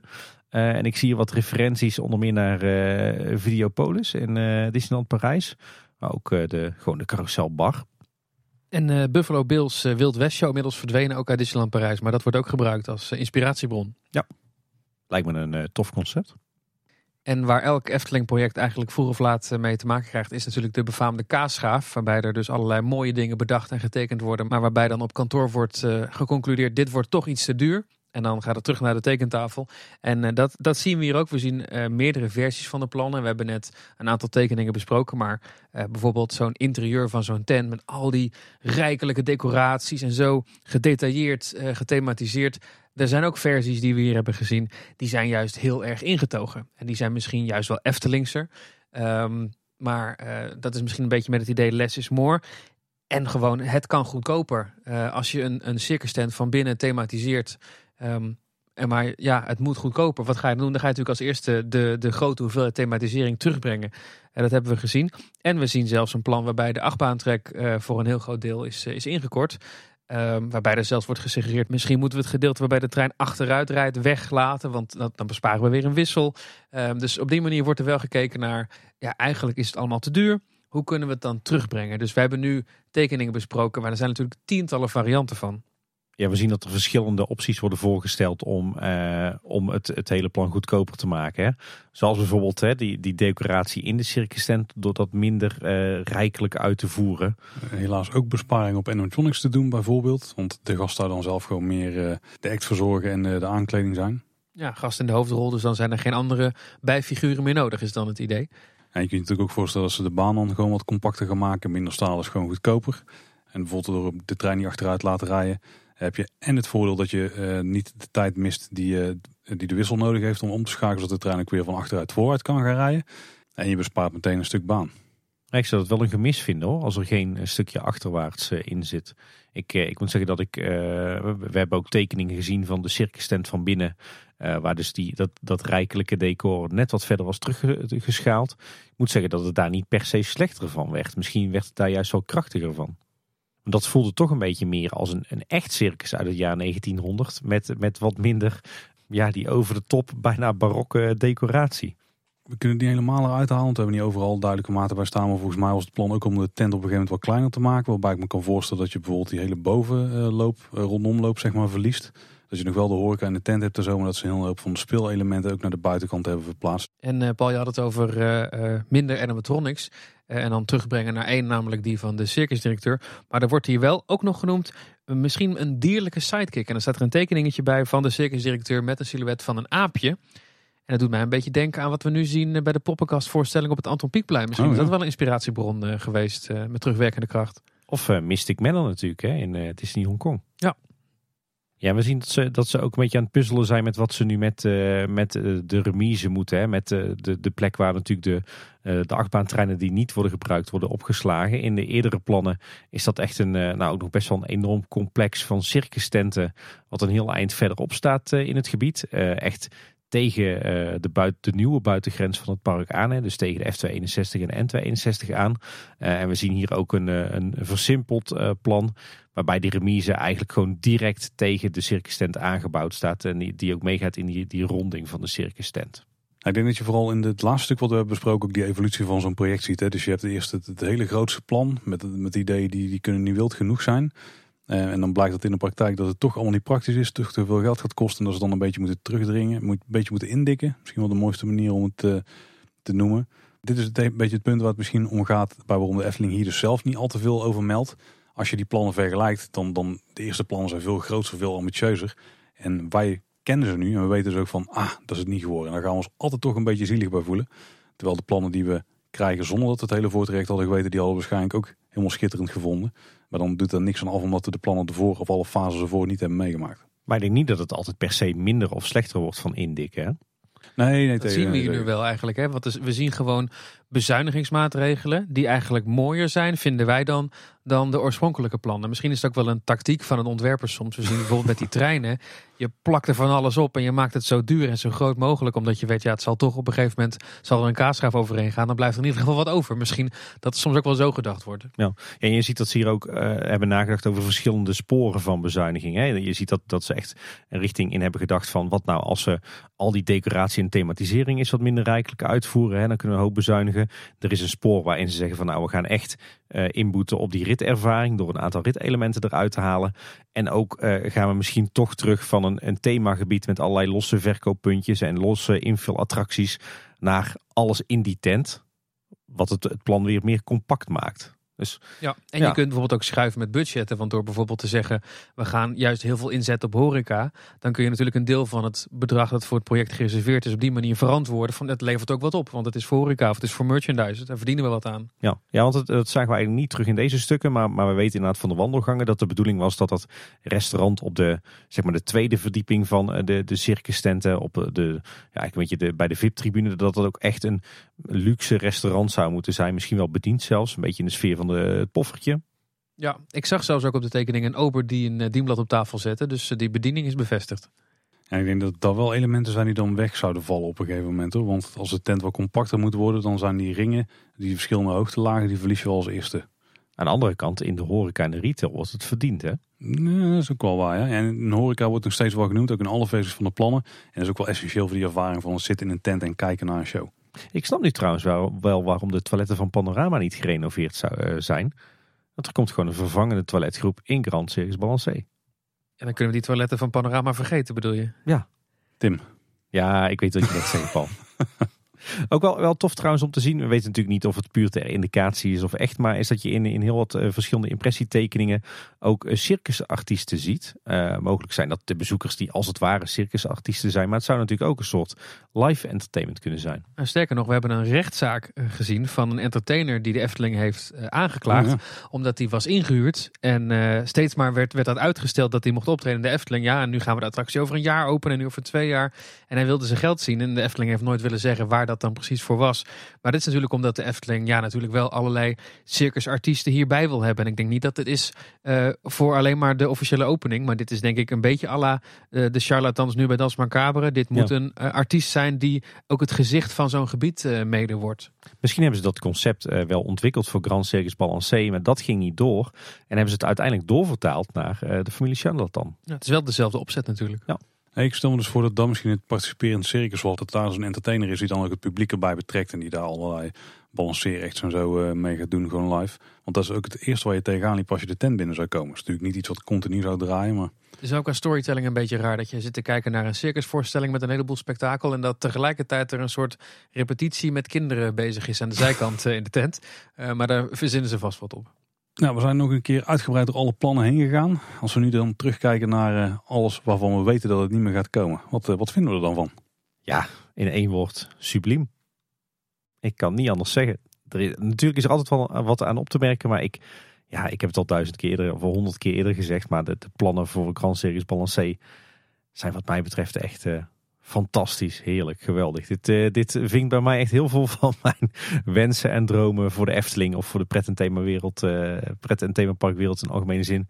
Vinkt het af, het, thema, het attractietype, de locatie, de integraliteit van alles wat je mee kunt maken in die tent en het gebied eromheen. Het is gewoon zo goed doordacht, de storyline, ja nee, top. Wat jij de integraliteit noemt, ik denk dat dat hetgeen is wat ik het allersterkste vind aan dit plan. Dat het hier echt is gelukt om een, uh, een thema te vinden en dat op zo'n manier te fusen met alle elementen die je nodig hebt in een pretpark voor een compleet themagebied. Het komt hier zo mooi samen allemaal. En ook de, de dingen, zeg maar, de, de reis die je als gast dan beleeft door die hele attractie heen. Hoe die dan met het thema verweven is en ook gewoon met de standaard elementen die je dus nodig hebt bij een attractie. Nogmaals, je hebt de wachtrij nodig. Nou, dan ga je door de artiesteningang naar binnen en je loopt dan backstage door alle, langs alle attributen die klaarstaan om de show mee op te voeren. En we worden uitgenodigd om dan eh, deel te zijn van die act. En we gaan, het stukje daar naar buiten gaat. Dat is een beetje ver gezocht. Maar op een gegeven moment als je weer binnenkomt en dan uh, dat die echt gaat plaatsvinden. Omdat er ook echt publiek bij zit. Mensen die daar zitten te eten en te drinken. Dat de actiefoto uiteindelijk gewoon de foto is van jou. Dus letterlijk een actie in de piste die ook gemaakt zou kunnen zijn door het publiek wat daar omheen zit. Al die puzzelstukjes die komen hier gewoon samen. Dat vind ik echt ontzettend tof van dit plan. En de storytelling klopt ook gewoon. Hè? Je kan het in twee zinnen uitleggen en je kan er ook een iets, iets grotere backstory omheen vertellen. Maar het belangrijkste is dat het gewoon een, een, hele simpele basisverhaal is wat voor iedereen te begrijpen valt. Zelfs als je het op een hele impliciete manier uitbeeldt. En dat is natuurlijk iets waar het niet altijd eh, in de Efteling uh, goed gaat. En we grapten in het begin van het is weer een witte oude man die uh, ons uitnodigt. Maar één groot verschil met de andere drie attracties waarin dit gewoon gebeurt in de Efteling al. Er is geen vloek. Er is geen vloek, nee. Nee, daar zou er nog bij moeten komen eigenlijk. ja, nou, dan zou Mijn circus is vervloekt. Help me mee met deze act. Mijn trein is vervloekt. Ga erin zitten. Ja, ik vind trouwens dat, de, de mix van, van thema's vind ik ook wel geniaal. Hè? Door, door te kiezen voor die boardwalk, voor die pier. Wat eigenlijk, ja, het is vooral heel erg Amerikaans. Misschien een klein beetje Brits. Maar het, het voelt een beetje vreemd in de Efteling. Maar het kan denk ik ook wel in een reisrijk. Maar daardoor combineer je zoveel elementen. Hè? Het hele circus rond 1900. Het hele steampunk. Weet je, Art Nouveau Jugendstil. De Volgens mij krijg jij een uh, betaling als je die termen noemt in de uitzendingen. niet alleen in deze aflevering, maar uh, nee. Maar uh, zoveel toffe subthema's eigenlijk die je, die je onder die boardwalk kan scharen. Ja, ik, heerlijk. Ja, en het feit dat het ontwikkeld is als een themagebied, een compleet themagebied. Uh, nu vinden we dat niet heel raar meer, want we hebben al gezien Max en Moritz, we hebben al gezien Dans Macabre. We hebben de Efteling al de laatste paar jaar heel vaak horen zeggen, wij denken in gebieden tegenwoordig, we zetten geen losse attracties meer neer. Maar de jaren dat dit ontwikkeld werd, 2015 tot 2020, was dat nog wel heel speciaal, want dat bestond toen nog helemaal niet in de Efteling. Los van misschien het Sprookjesbos en, en dat soort voorbeelden. Um, en dat ze het hotel erbij wilden betrekken, dat hebben we eigenlijk niet zo heel veel besproken, maar dat is ook briljant. Uh, niet dat het Efteling Hotel een circus thema krijgt, maar dat je het Efteling Hotel loopt door in dat gebied. En dat is één groot gebied. En je kunt vanuit uh, Circus Balancé, het gebied eromheen, gewoon de ingang van het Efteling Hotel zien. Dat vind ik briljant. En dat vind ik heel goed dat ze dat op die manier erbij zouden betrekken. Ehm, het thema is uniek, want circussen, dat is heel pieks, dat is heel Eftelings. Maar inderdaad, wat jij zegt, door die combinatie met die boardwalk en dat Amerikaanse en dat, dat, dat ja, Amerikaanse kermissfeertje, um, dan maak je het uniek. En dat zie ik ook ergens in Europa niet. Dus daar zou de Efteling dan echt wel uniek mee zijn. Um, ik moet wel zeggen dat ik qua locatie mijn twijfels heb. Zoals ik het nu zie op deze plannen, zoals het had gepast in Reizenrijk, dan is eigenlijk Vogelrok de vreemde eend in de bijt. Eh, want we hebben al Carnival Festival, Monsieur Cannibal en dan het circus. Nou, dat past allemaal wel leuk in dezelfde stijl. Wat doet Vogelrok dan daar? Maar zoals ik al zei, nu hebben we daar de wereld van Simbad. We hebben Sirocco, we hebben Archipel dan is juist die circus tent misschien wel een vreemde eend in de bijt. En je zei, ja, we hebben in de hele Efteling natuurlijk al dat je overal attracties bij elkaar hebt. Maar is het doel van de Efteling niet juist nu om veel meer logica te creëren? Juist door zo'n project als Max en Moritz, Wereld van Simbad, nu op het Anton Pieckplein. Um, dan heb ik mijn twijfels of het circus thema hier past. Nou ja, de Efteling kiest natuurlijk voor een weg waarbij ze eigenlijk afscheid nemen van die rijken. En ze blijven nog wel bestaan, maar meer als een soort navigatiemiddel. Maar waarbij ze meer kiezen voor uh, net iets kleinere uh, themagebieden die wel helemaal immersive zijn. En ja, dan moet je dit echt zien als een losstaand themagebied binnen dat reizenrijk. Ja, maar dan denk ik wel, ik weet niet of het haalbaar is of het technisch gezien mogelijk is, maar zou dit op de speelweide neerzetten En dan heb je mijn, uh, mijn zegen. Want dan zit je aan de ene kant zie je Carnival Festival. Aan de andere kant zie je het Anton Pieckplein. Volgens mij is het precies daar een middenweg tussen. Carouselpaleis staat het dan naast. Nou, perfect. Echt een geniale opmerking, uh, Wessel. Ja, maar ik weet niet of dat, of dat dus kan. Of je daar zomaar kan bouwen. En misschien wil de Efteling die ruimte helemaal niet kwijt. Want ze die evenementen veel te belangrijk vinden. Maar ik zou zeggen, als je dan toch een circusachtbaan of een grote circus tent wil neerzetten. Doe het dan daar enige wat je dan niet hebt is dat, dat de achtbaan niet aan het water staat. En als je de verschillende bird's eye views bekijkt, dan vind ik dat ook wel een enorme meerwaarde hoor. Zo'n fake houten achtbaan aan het water met al die lampjes die in het water weerspiegelen. Ik moet gelijk terugdenken aan de Pegasus. Ja, dat is iets wat je dan wel mist. Daar wel een beetje uit de droom helpen, want ik denk namelijk dat het best wel in een uh, beboste omgeving zou komen staan. Dat het best wel afgescheiden ligt van de rest van Reizenrijk door uh, wat hoge bomen en zo die daar aan de rand van de siervijver staan. En die ook nog in het gebied zelf komen staan. Ja, dat zien we wel op de, de bird's eye uh, inderdaad. Ja, en ook wel wat uh, plattegronden die lijken die indruk te wekken. Maar dat is ook maar net hoe het in de praktijk dan uitkomt. Kijk, als we alles plat kappen, wat ik niet hoop, want we hebben ook wel wij hebben opmerkingen gezien dat de achtbaanbouw rekening moest houden met de omgeving die er al lag. Ik hoop dat dit eigenlijk best wel in het groen zou komen staan. Dat je eigenlijk tot, ja, je ziet natuurlijk wel de achtbaantrek op een, nou, één punt denk ik zelfs maar boven de bomen uit toren. Maar zodra je onder die, uh, eigenlijk voor die, die doorgang staat, waar je dan onder de baan loopt, bij die heuvel. Ik denk dat daar het gebied echt uh, begint. Dat je dan de tent pas in volle glorie ziet. Ja, ja, je ziet wel aan de referentiebeelden dat inderdaad een groot gedeelte van het gebied waar de achtbaan doorheen gaat, dat dat echt uh, ja, bosachtig moet zijn. Ik vind trouwens het, het, het attractietype ook wel tof. Aan de ene kant heb ik zoiets van weer een achtbaan, maar als we dan toch een achtbaan moeten neerzetten en het lijkt wel nog altijd het attractietype te zijn waar uh, pret- en themaparken mee scoren, dan ben ik wel blij dat ze hiervoor kiezen. Niet per se groter, sneller, spectaculairder, maar het hem juist zoeken in de, in, in de afwisseling van de verschillende effecten. Hè. En die wipwap, en twee lanceringen, en voorwaarts en achterwaarts, en een lifthill. Dan denk ik, ja, dat is een, een hele toffe, compacte combinatie van heel veel verschillende ritelementen. Ja, en dat scoren wat jij zegt, dat is ook zeker zo. Als je kijkt naar wat een attractie als Symbolica heeft gedaan in de media, eh, vergeleken met wat een attractie als de Baron heeft gedaan, uh, Max Morris telt dan eigenlijk niet mee, want dat is echt wel een kinderachtbaan. Dan is uh, de aandacht die Nederlanders gemiddeld hebben voor er komt een nieuwe achtbaan in de Efteling. En hoeft maar een beetje spannend te zijn. Ja, dat is gewoon tien keer meer, want bij een dark ride uh, weet je gewoon niet wat je, wat je kunt verwachten. Dat blijft altijd een beetje vaag. En dit scoort gewoon. En als je dan een achtbaan kan neerzetten in Efteling-stijl, ja, dan is het natuurlijk helemaal top. En wat, wat, denk je internationaal? Wat denk je dat, dat internationale bezoekers gaat trekken? Zit hem dat vooral in de attracties? Zit hem dat in het thema? Ik denk vooral het attractietype, maar ik denk wel dat het moeilijk uit te leggen is voor internationale bezoekers. Want je kunt dit niet marketen als een mijntrein, want zo is het natuurlijk intern bedacht, maar zo ziet het er helemaal niet meer uit. Um, dus het is een circus. Ze noemen het niet voor niks circus coaster. Maar dat is natuurlijk wel een raak contrast voor iemand die nog nooit in, een, in de Efteling is geweest. Um, want er staat een gigantische circus tent en iedereen heeft de associatie, daar is een show. Dus als jij met de uh, taxi aankomt rijden in de Efteling, omdat jij uit Engeland komt en je komt de Efteling bekijken of met de bus, dan zie jij daar een mega circus tent. En niemand heeft dan de link, oh maar dat, dat zal wel een achtbaan zijn. Um, en ja, er is ook niet een stuk track wat aan de bovenkant uit de tent komt of zo. Net zoals Space Mountain heb je nog dat je kunt zien dat het een achtbaan is. Uh, en hier zie je dat vanaf de, vanaf de buitenkant eigenlijk niet. Behalve dan als je in het park zelf bent. Dus hoe je het, hoe je het qua marketing gaat aanvliegen voor buitenlandse gasten vind ik het een lastige. Een paar vette drone shots. Die kunnen zeker helpen. Maar het is natuurlijk wel zo, je ziet de baan en ergens moet je een station hebben.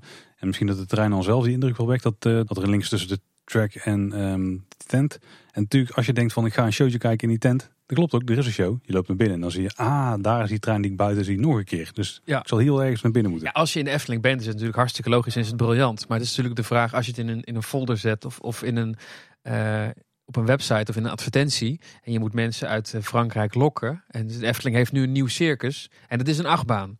Ik weet niet of je dan de, de Franse bevolking meekrijgt. Ik uh, zie het helemaal voor me dat ze zo'n um, promotieshot maken bij die achtbaantrein die zo vol in de rook uit die tent komt blazen. Een beetje zo schuin uit je, uit je, je poster komt, uh, komt vliegen, zeg maar. En dat dat dan het grote promo-shot is. En dan zo'n rollercoaster tycoon uh, stoomtreingeluidje zo. Toet, toet. Ja, en op de achtergrond natuurlijk nog zo'n lifthill en een stukje van een tent. Je kent er wel. Ja. Maar jullie lachten net uh, mijn drone shots weg. Maar ik kan me wel voorstellen dat je over het gebied heen vliegt. Een beetje over die achtbaantrek heen. En dat je dan de circus tent invliegt. En dan als klapstuk die, die wipwap te zien krijgt.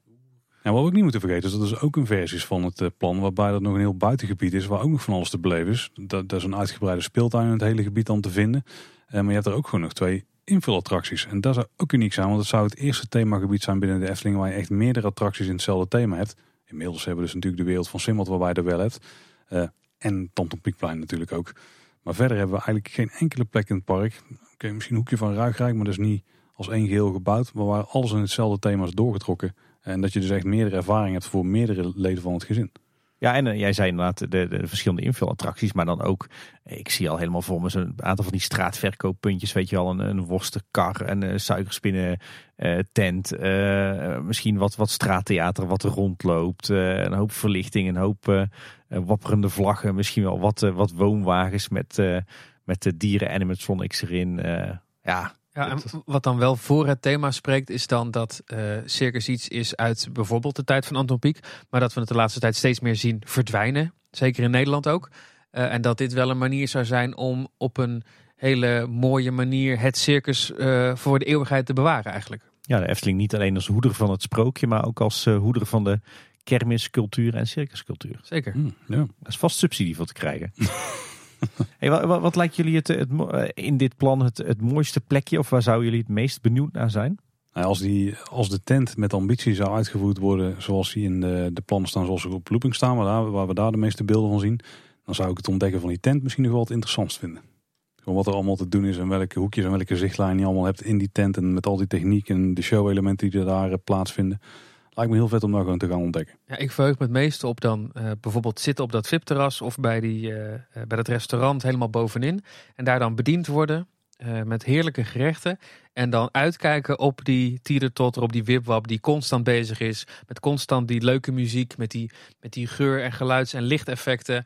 En dat het echt iets levendig is en dat je, terwijl je aan het eten bent, iets hebt om naar te kijken. En volgens mij heb je dat in de Efteling nu op heel weinig plekken.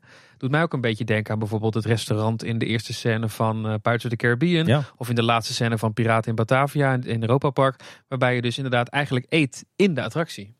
Ja, ja zeker. Zullen ze vast ook wat inspiratie vandaan hebben gehaald, denk ik zo. Ja, ik, heb eigenlijk, ik, ik zit te twijfelen tussen twee plekjes. Uh, wat me heel erg tof lijkt, is die meandering waarbij het lijkt alsof je uh, in het circus achter de schermen bent. Met al die, die materialen die rommelig opgesteld staan. En die plankieren en die make-up tafels en zo. Dat lijkt me uh, een heel gaaf sfeertje. Misschien mag het dan ook net een beetje een, een donker randje hebben. Wat, wat de Efteling ook onderscheidt van andere parken. Uh, met een mooie soundtrack en zo en wat nevel. Dat lijkt me heel tof. En, en ik ben ook wel heel erg benieuwd uh, naar het buitenterrein. En dan met name de combinatie van die, die kinetics van dat buitenterrein. Met, die, met, met al die prikabel en, en die infills en, en wat horeca en mensen die daar rondlopen. In een soort backdrop van heel veel bossen en water. En zeker dan s'avonds met de, de, de beelden die we hier hebben gezien van de lichtplannen. Ja, dat lijkt me ook echt heel gaaf. Uh, dat is mooi, we hebben dus niks van de baan zelf genoemd, hè, van wat erin zit. Dus als ik daar nog één elementje van uitlichten, wat mij een heel tof e- moment lijkt, is als je dan de tent voor het eerst binnenkomt rollen. En dat je dan even stilgezet wordt, dat daar een animatronic zou staan van die circusdirecteur. En dat die ons klaarstoomt om de piste te gaan betreden. En dat, dan die doeken open gaan, dat je dan uh, die, uh, die op zou rijden, lampen in je gezicht, zodat je echt helemaal niks meer ziet. En dat dan in één keer het publiek zich onthult in het, in het licht. Lijkt me echt een heel vet moment. Ja, en, zeker ook die combinatie van vooruit, achteruit, lancering, lifthill. Dat, de, die wipwap, dat lijkt me zo gaaf. Het doet me ook een beetje terugdenken aan, uh, aan Hongkong Disneyland, aan uh, Big Grizzly Mountain. Dat is ook een hele toffe combinatie van al dit soort elementen. Wat wat mij betreft ook echt een, meerwaarde is boven Big Thunder Mountain. Uh, ja, die, die, die dynamiek die zit hier ook wel in. En ook die kinetics, hè, die uh, kinetische energie, die bewegingen in uh, de attractie, buiten de attractie in het themagebied, vind ik ook wel echt, uh, echt heel gaaf. Ook nog ergens een fonteintje toevoegen, zou ik zeggen. En natuurlijk de muziek van René Merkelbach, die zou je volgens mij ook een fenomenale soundtrack van kunnen maken, gebaseerd op, op Cirque du Soleil, weet je wel. Ah, dat lijkt me ook echt ontzettend gaaf. Is ook zo dat Sander de Bruin zelf een ontzettend groot liefhebber is van Cirque du Soleil. Dus ook dat zal ongetwijfeld een uh, grote inspiratiebron uh, geweest zijn bij het ontwikkelen van dit plan. En het attractietype, ik hoor zelf heel vaak, de Efteling moet een keer een spektakelachtbaan bouwen. De Efteling moet een keer een megacoaster bouwen, de hoogste van de Benelux, de hoogste van Europa. Ik denk dat het juist heel slim is om te blijven zitten op familieattracties met een thrill-element, maar waar wel eigenlijk de hele familie in kan. Want dat is dit uh, op de hele kleine kinderen na. Maar het is wel echt een familieattractie, maar het ziet er heel spectaculair uit. En ik denk als je kijkt naar de ontwikkeling van uh, pretparken in Europa, de pretparken die nu de meeste groei doormaken, dat zijn de parken die investeren in familieattracties. De parken die kiezen voor de trail rides voor uh, de jongeren, die hebben wel steeds een kleine opleving, maar dat is niet voor de lange termijn ja, een goede strategie, denk ik. Ik denk dat de Efteling heel erg moet blijven bij, bij families. Ehm, en dat is natuurlijk een beetje vloeken in de kerk. Want er zijn heel veel coastliefhebbers die hopen dat er een keer een soort Goliath XXL naar Kaatsheuvel komt. Ja, wie weet. Maar ja, het past, past ook niet bij de Efteling, zo'n enorme staalconstructie zonder thematisering. Nee, en ik denk dat de Efteling ook niet moet willen excelleren op het gebied van sneller, spectaculairder, hoger. Ik denk dat ze juist moeten blijven excelleren op de combinatie van en gewoon een steengoede attractie in combinatie met thema, met decor, met muziek, met storytelling. Iets wat ze echt fantastisch hebben gedaan bij Ik noem een Baron 1898 en een Symbolica. Twee super gave recente voorbeelden. Ja, en dit eh, Dans Macabre lijkt er ook naartoe te gaan. Ja, en dit plan sluit daar ook weer, op aan. Het is niet de allerhoogste of de allerspectaculairste achtbaan, maar wel een super gave, ja, eigenlijk mix van attractie, thema en verhaal. Ja, en waar ik zelf heel erg blij van word, is die beoogde capaciteit. Ik denk ook wel dat dat een van de elementen uit het plan is wat we gewoon bewaard gaan zien voor als er weer een keer wat ontwikkeld wordt op dit gebied. Want de Efteling wil nu gewoon attracties met een hoge capaciteit, maar met een theoretische capaciteit van 1800 man per uur kun je gewoon thuiskomen. En heel fijn dat de Efteling op dat gebied het licht heeft gezien. Ze hebben wel echt jaren gehad dat ze echt ja, op, dat, uh, op dat gebied er geen aandacht voor hadden. Kijk maar naar de Vliegende Hollander. Uh, de Baron met, uh, met 900 puur is ook niet echt super. Natuurlijk wel een kleinere doelgroep. Um, maar dat vind ik persoonlijk, daar word ik heel blij van. Dat de Efteling nu echt investeert in attracties met een hoge capaciteit. Ze weten, we gaan naar 7 miljoen bezoekers. Dan moeten we die ook een plek kunnen geven. Ja, laten we niet vergeten dat, wat, wat, wat mij betreft ook altijd heel belangrijk is om te bepalen of iets Efteling waardig is, is dat het ook echt uniek en onderscheidend is. Nou ja, en jij zei dat net ook al wel, Wessel, dat is in, bij deze plannen zeker het geval. Ja, en dan heren is denk ik tijd voor een beetje traumatherapie. uh, EMDR, hebben we dat nodig? Ik denk het wel. Wat vinden we ervan dat deze plannen niet doorgaan? En uh, ook de reden, het zou iets met duurzaamheid te maken hebben. Dat is natuurlijk een, een, een heel makkelijke, nou misschien een excuus of een heel makkelijke reden om te benoemen. Uh, ja, maar misschien eerst wat vinden we ervan dat het niet doorgaat? Ik vind het uh, jammer, maar daar hebben we al eerder uitgesproken. Het totaalplaatje lijkt gewoon allemaal te kloppen. En uh, daarom jammer dat zoiets niet in de Efteling gaat verschijnen. Het is natuurlijk wel het punt, we weten niet in welke vorm het daadwerkelijk in de Efteling zou gaan verschijnen. Maar het lijkt gewoon dat de combinatie hier van alle factoren gewoon uh, juist was. Dus daarom jammer. Ja. ja. Ja, ik denk er net zo over. Ik zou het best wel doodzonde durven noemen. En ik, ja, ik denk ook dat, dat hè, als we niet en het gedoe hadden gehad met het bestemmingsplan. Dus als dat bestemmingsplan nou was vastgesteld in 2019, uh, eh, of we hadden die coronacrisis niet gehad, waardoor het financieel slechter ging, ja, dan denk ik dat we inmiddels uh, uh, al een keer of honderd in Grand Circus Balancé hadden gezeten. dat had zomaar gekund, ja. Ja, ik denk als je dit allemaal bij elkaar ziet, deze hele plannen, uh, uh, al die ontwerpen, al die informatie. Het is gewoon ontzettend indrukwekkend. En uh, het feit dat de Efteling dit kan, dat de Efteling een park is wat hier letterlijk op kruipafstand van de kleine boodschapstudio ligt. En zulke wereldniveau attracties zou kunnen neerzetten, dat is gewoon mega indrukwekkend. er is ontzettend goed over nagedacht. Ik denk dat het plan echt wel briljante elementen, briljante ideeën heeft. Tegelijkertijd tegelijkertijd troost ik me dan met de gedachte dat de Efteling dit allemaal kan. Dit allemaal in huis heeft, het allemaal kan bedenken. Dus als ze zeggen, je gaat nu terug naar de tekentafel en je bedenkt voor dit gebied weer een familieachtbaan met 1800 capaciteit per uur.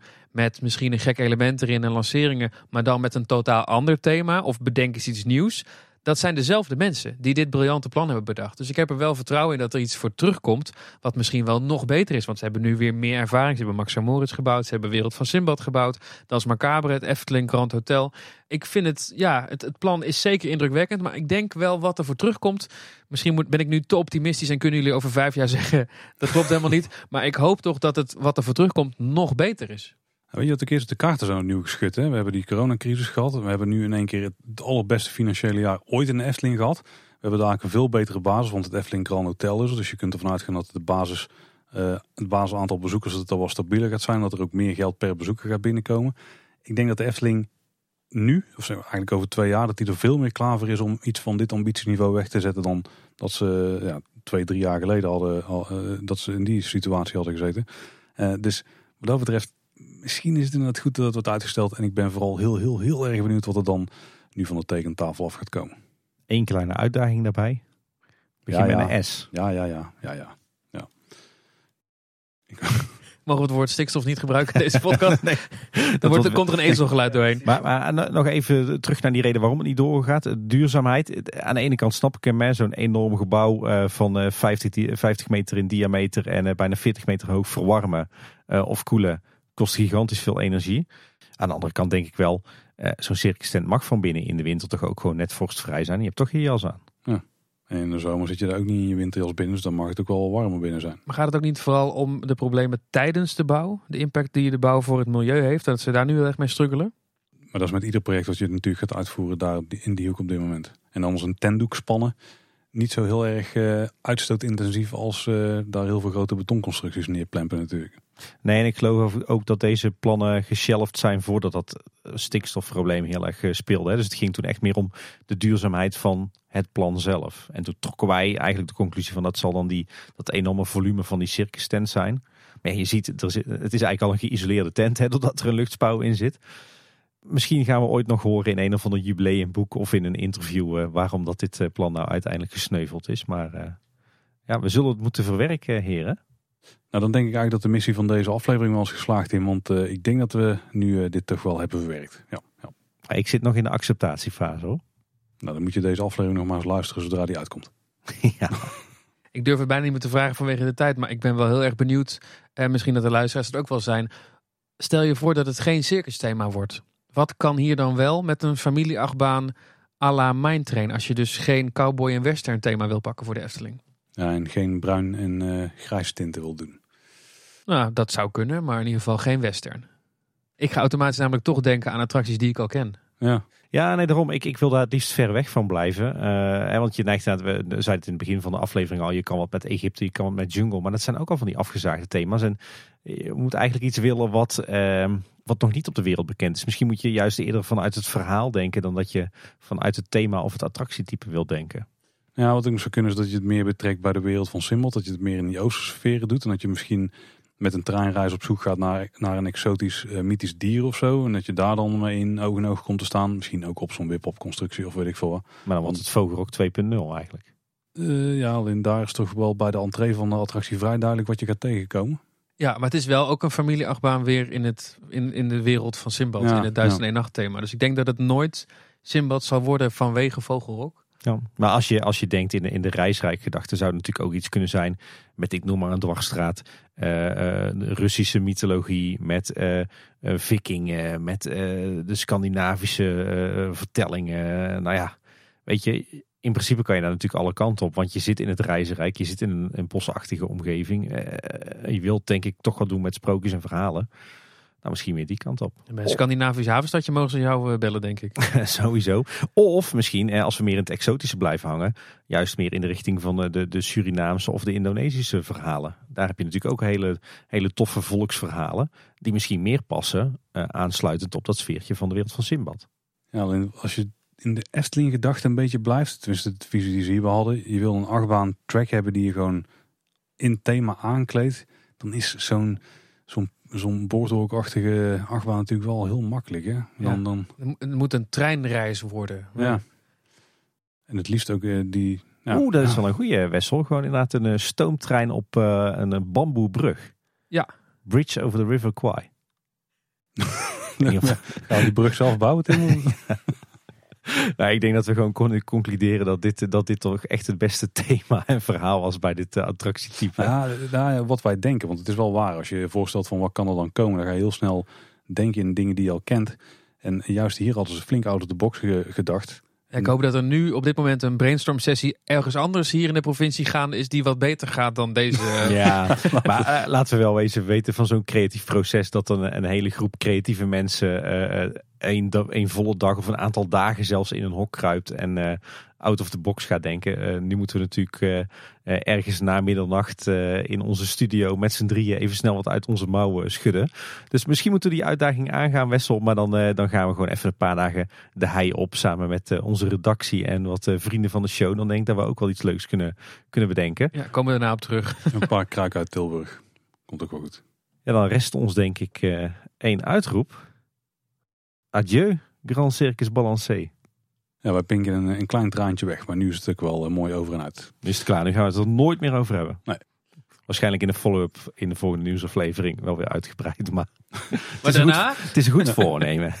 Maar uh, Wessel, dank dat jij hier wilde aanschuiven. En uh, dank dat je al dit iCandy hebt meegenomen waar onze luisteraars niks van hebben kunnen zien. Buiten alles wat je al gepubliceerd hebt. Ja, graag gedaan. Ik ben volgende week terug en dan neem ik Lummels uh, mee. Heel goed. Maken we er gewoon een terugkerende serie van. Ja, Wessel neemt geheime documenten mee. ik zie trouwens net in die pdf onderaan staan dat er vertrouwelijk staat. Dus dit had ik helemaal niet mogen vertellen of laten zien. Dus oh. kunnen jullie dit misschien niet uitzenden? Nou, anders doen we alleen de, de tijdlijn en de afronding. Dan knippen we het middengedeelte tot de Ja, dan is het goed. Nou, misschien vergeet u dat per ongeluk. Uh, Wessel, als mensen iets van jou willen lezen online, waar kunnen ze dan het beste terecht? Ja, dan kunnen ze denk ik het beste naar loopings.nl surfen. Maar ik zit ook op Twitter, daar heet ik Wesselwit. En ik zit ook op Instagram, daar heet ik Wesselwit. En de Loopings is ook op al die platformen te vinden. Zeker. Kan niet missen. Wil je een kleine boodschap volgen, dan kun je naar kleineboodschap.com gaan. En als je dan naar kleineboodschap.com slash volgen gaat, vind je alle social media kanalen waar wij te vinden zijn. Maar je kunt ook gewoon overal zoeken naar kleine boodschappen, zijn vrijwel overal te vinden. Als je op de website dan toch al bent, dan vind je er ook pagina's per aflevering. En daar staan dan de show notes op. We zullen wat linkjes opnemen. Onder andere wat uh, die jij door de jaren heen hebt geschreven, Wessel. En uiteraard degene waar al deze plannen uit de doek worden gedaan. Komt hij nu mee? Dat hadden we eigenlijk aan het begin van de aflevering moeten melden. Dat hebben we wel ergens in de tijdlijn een keer gemeld. Dus in die uh, chronologie kun je het dan terugvinden in de show notes. Maar wil je nou contact met ons opnemen over deze plannen, dan kun je dat doen via het contactformuliertje op de site of je mailt naar info.kleineboodschap.com. Moeten we nog een oproepje plaatsen dat mensen ook hun eigen ideeën voor dit gebied uh, kunnen insturen? Nou, dat is eigenlijk best wel een goede. Ja. Ik ben benieuwd welke thema's daaruit komen rollen. Dan moet het dus wel een soort van mijntrein met een twist zijn. Ja, dus een mijntrein met 1800 capaciteit per uur op deze plek. Succes. Ja, die mag naar trauma.kleineboodschap.com. Mm, daar komt niet aan. Dus stuur maar gewoon een info Ja. Kleine Boodschap luister je in je favoriete podcast app of op Spotify. Maar natuurlijk ook op onze website. Dat is kleineboodschap.com. Maar luister je ons nou in een app, zorg dan dat je je abonneert. En, en we vinden het ook altijd superleuk als mensen een rating of een review achterlaten op Spotify of Apple Podcast. We hebben trouwens helemaal niet eens gemeld, uh, Wessel. Maar als je nog meer van jou wil horen, dan kun je natuurlijk ook jezelf abonneren op de Loopings podcast. Ja, die is er ook nog. Ja. Altijd, uh, nou, we raden hem vrij vaak aan trouwens. Ja, en met uh, het hipste intro muziekje van alle pretparkpodcasts. tu, tu, tu. Precies. Ik word er altijd heel vrolijk van. En Wessel, nogmaals dank voor het aanschuiven. Graag gedaan. Dank voor al je expertise. Graag gedaan. En uh, luisteraars, dat was weer voor deze week. Bedankt voor het luisteren. Tot de volgende keer. En houdoe. Adieu. Houdoe.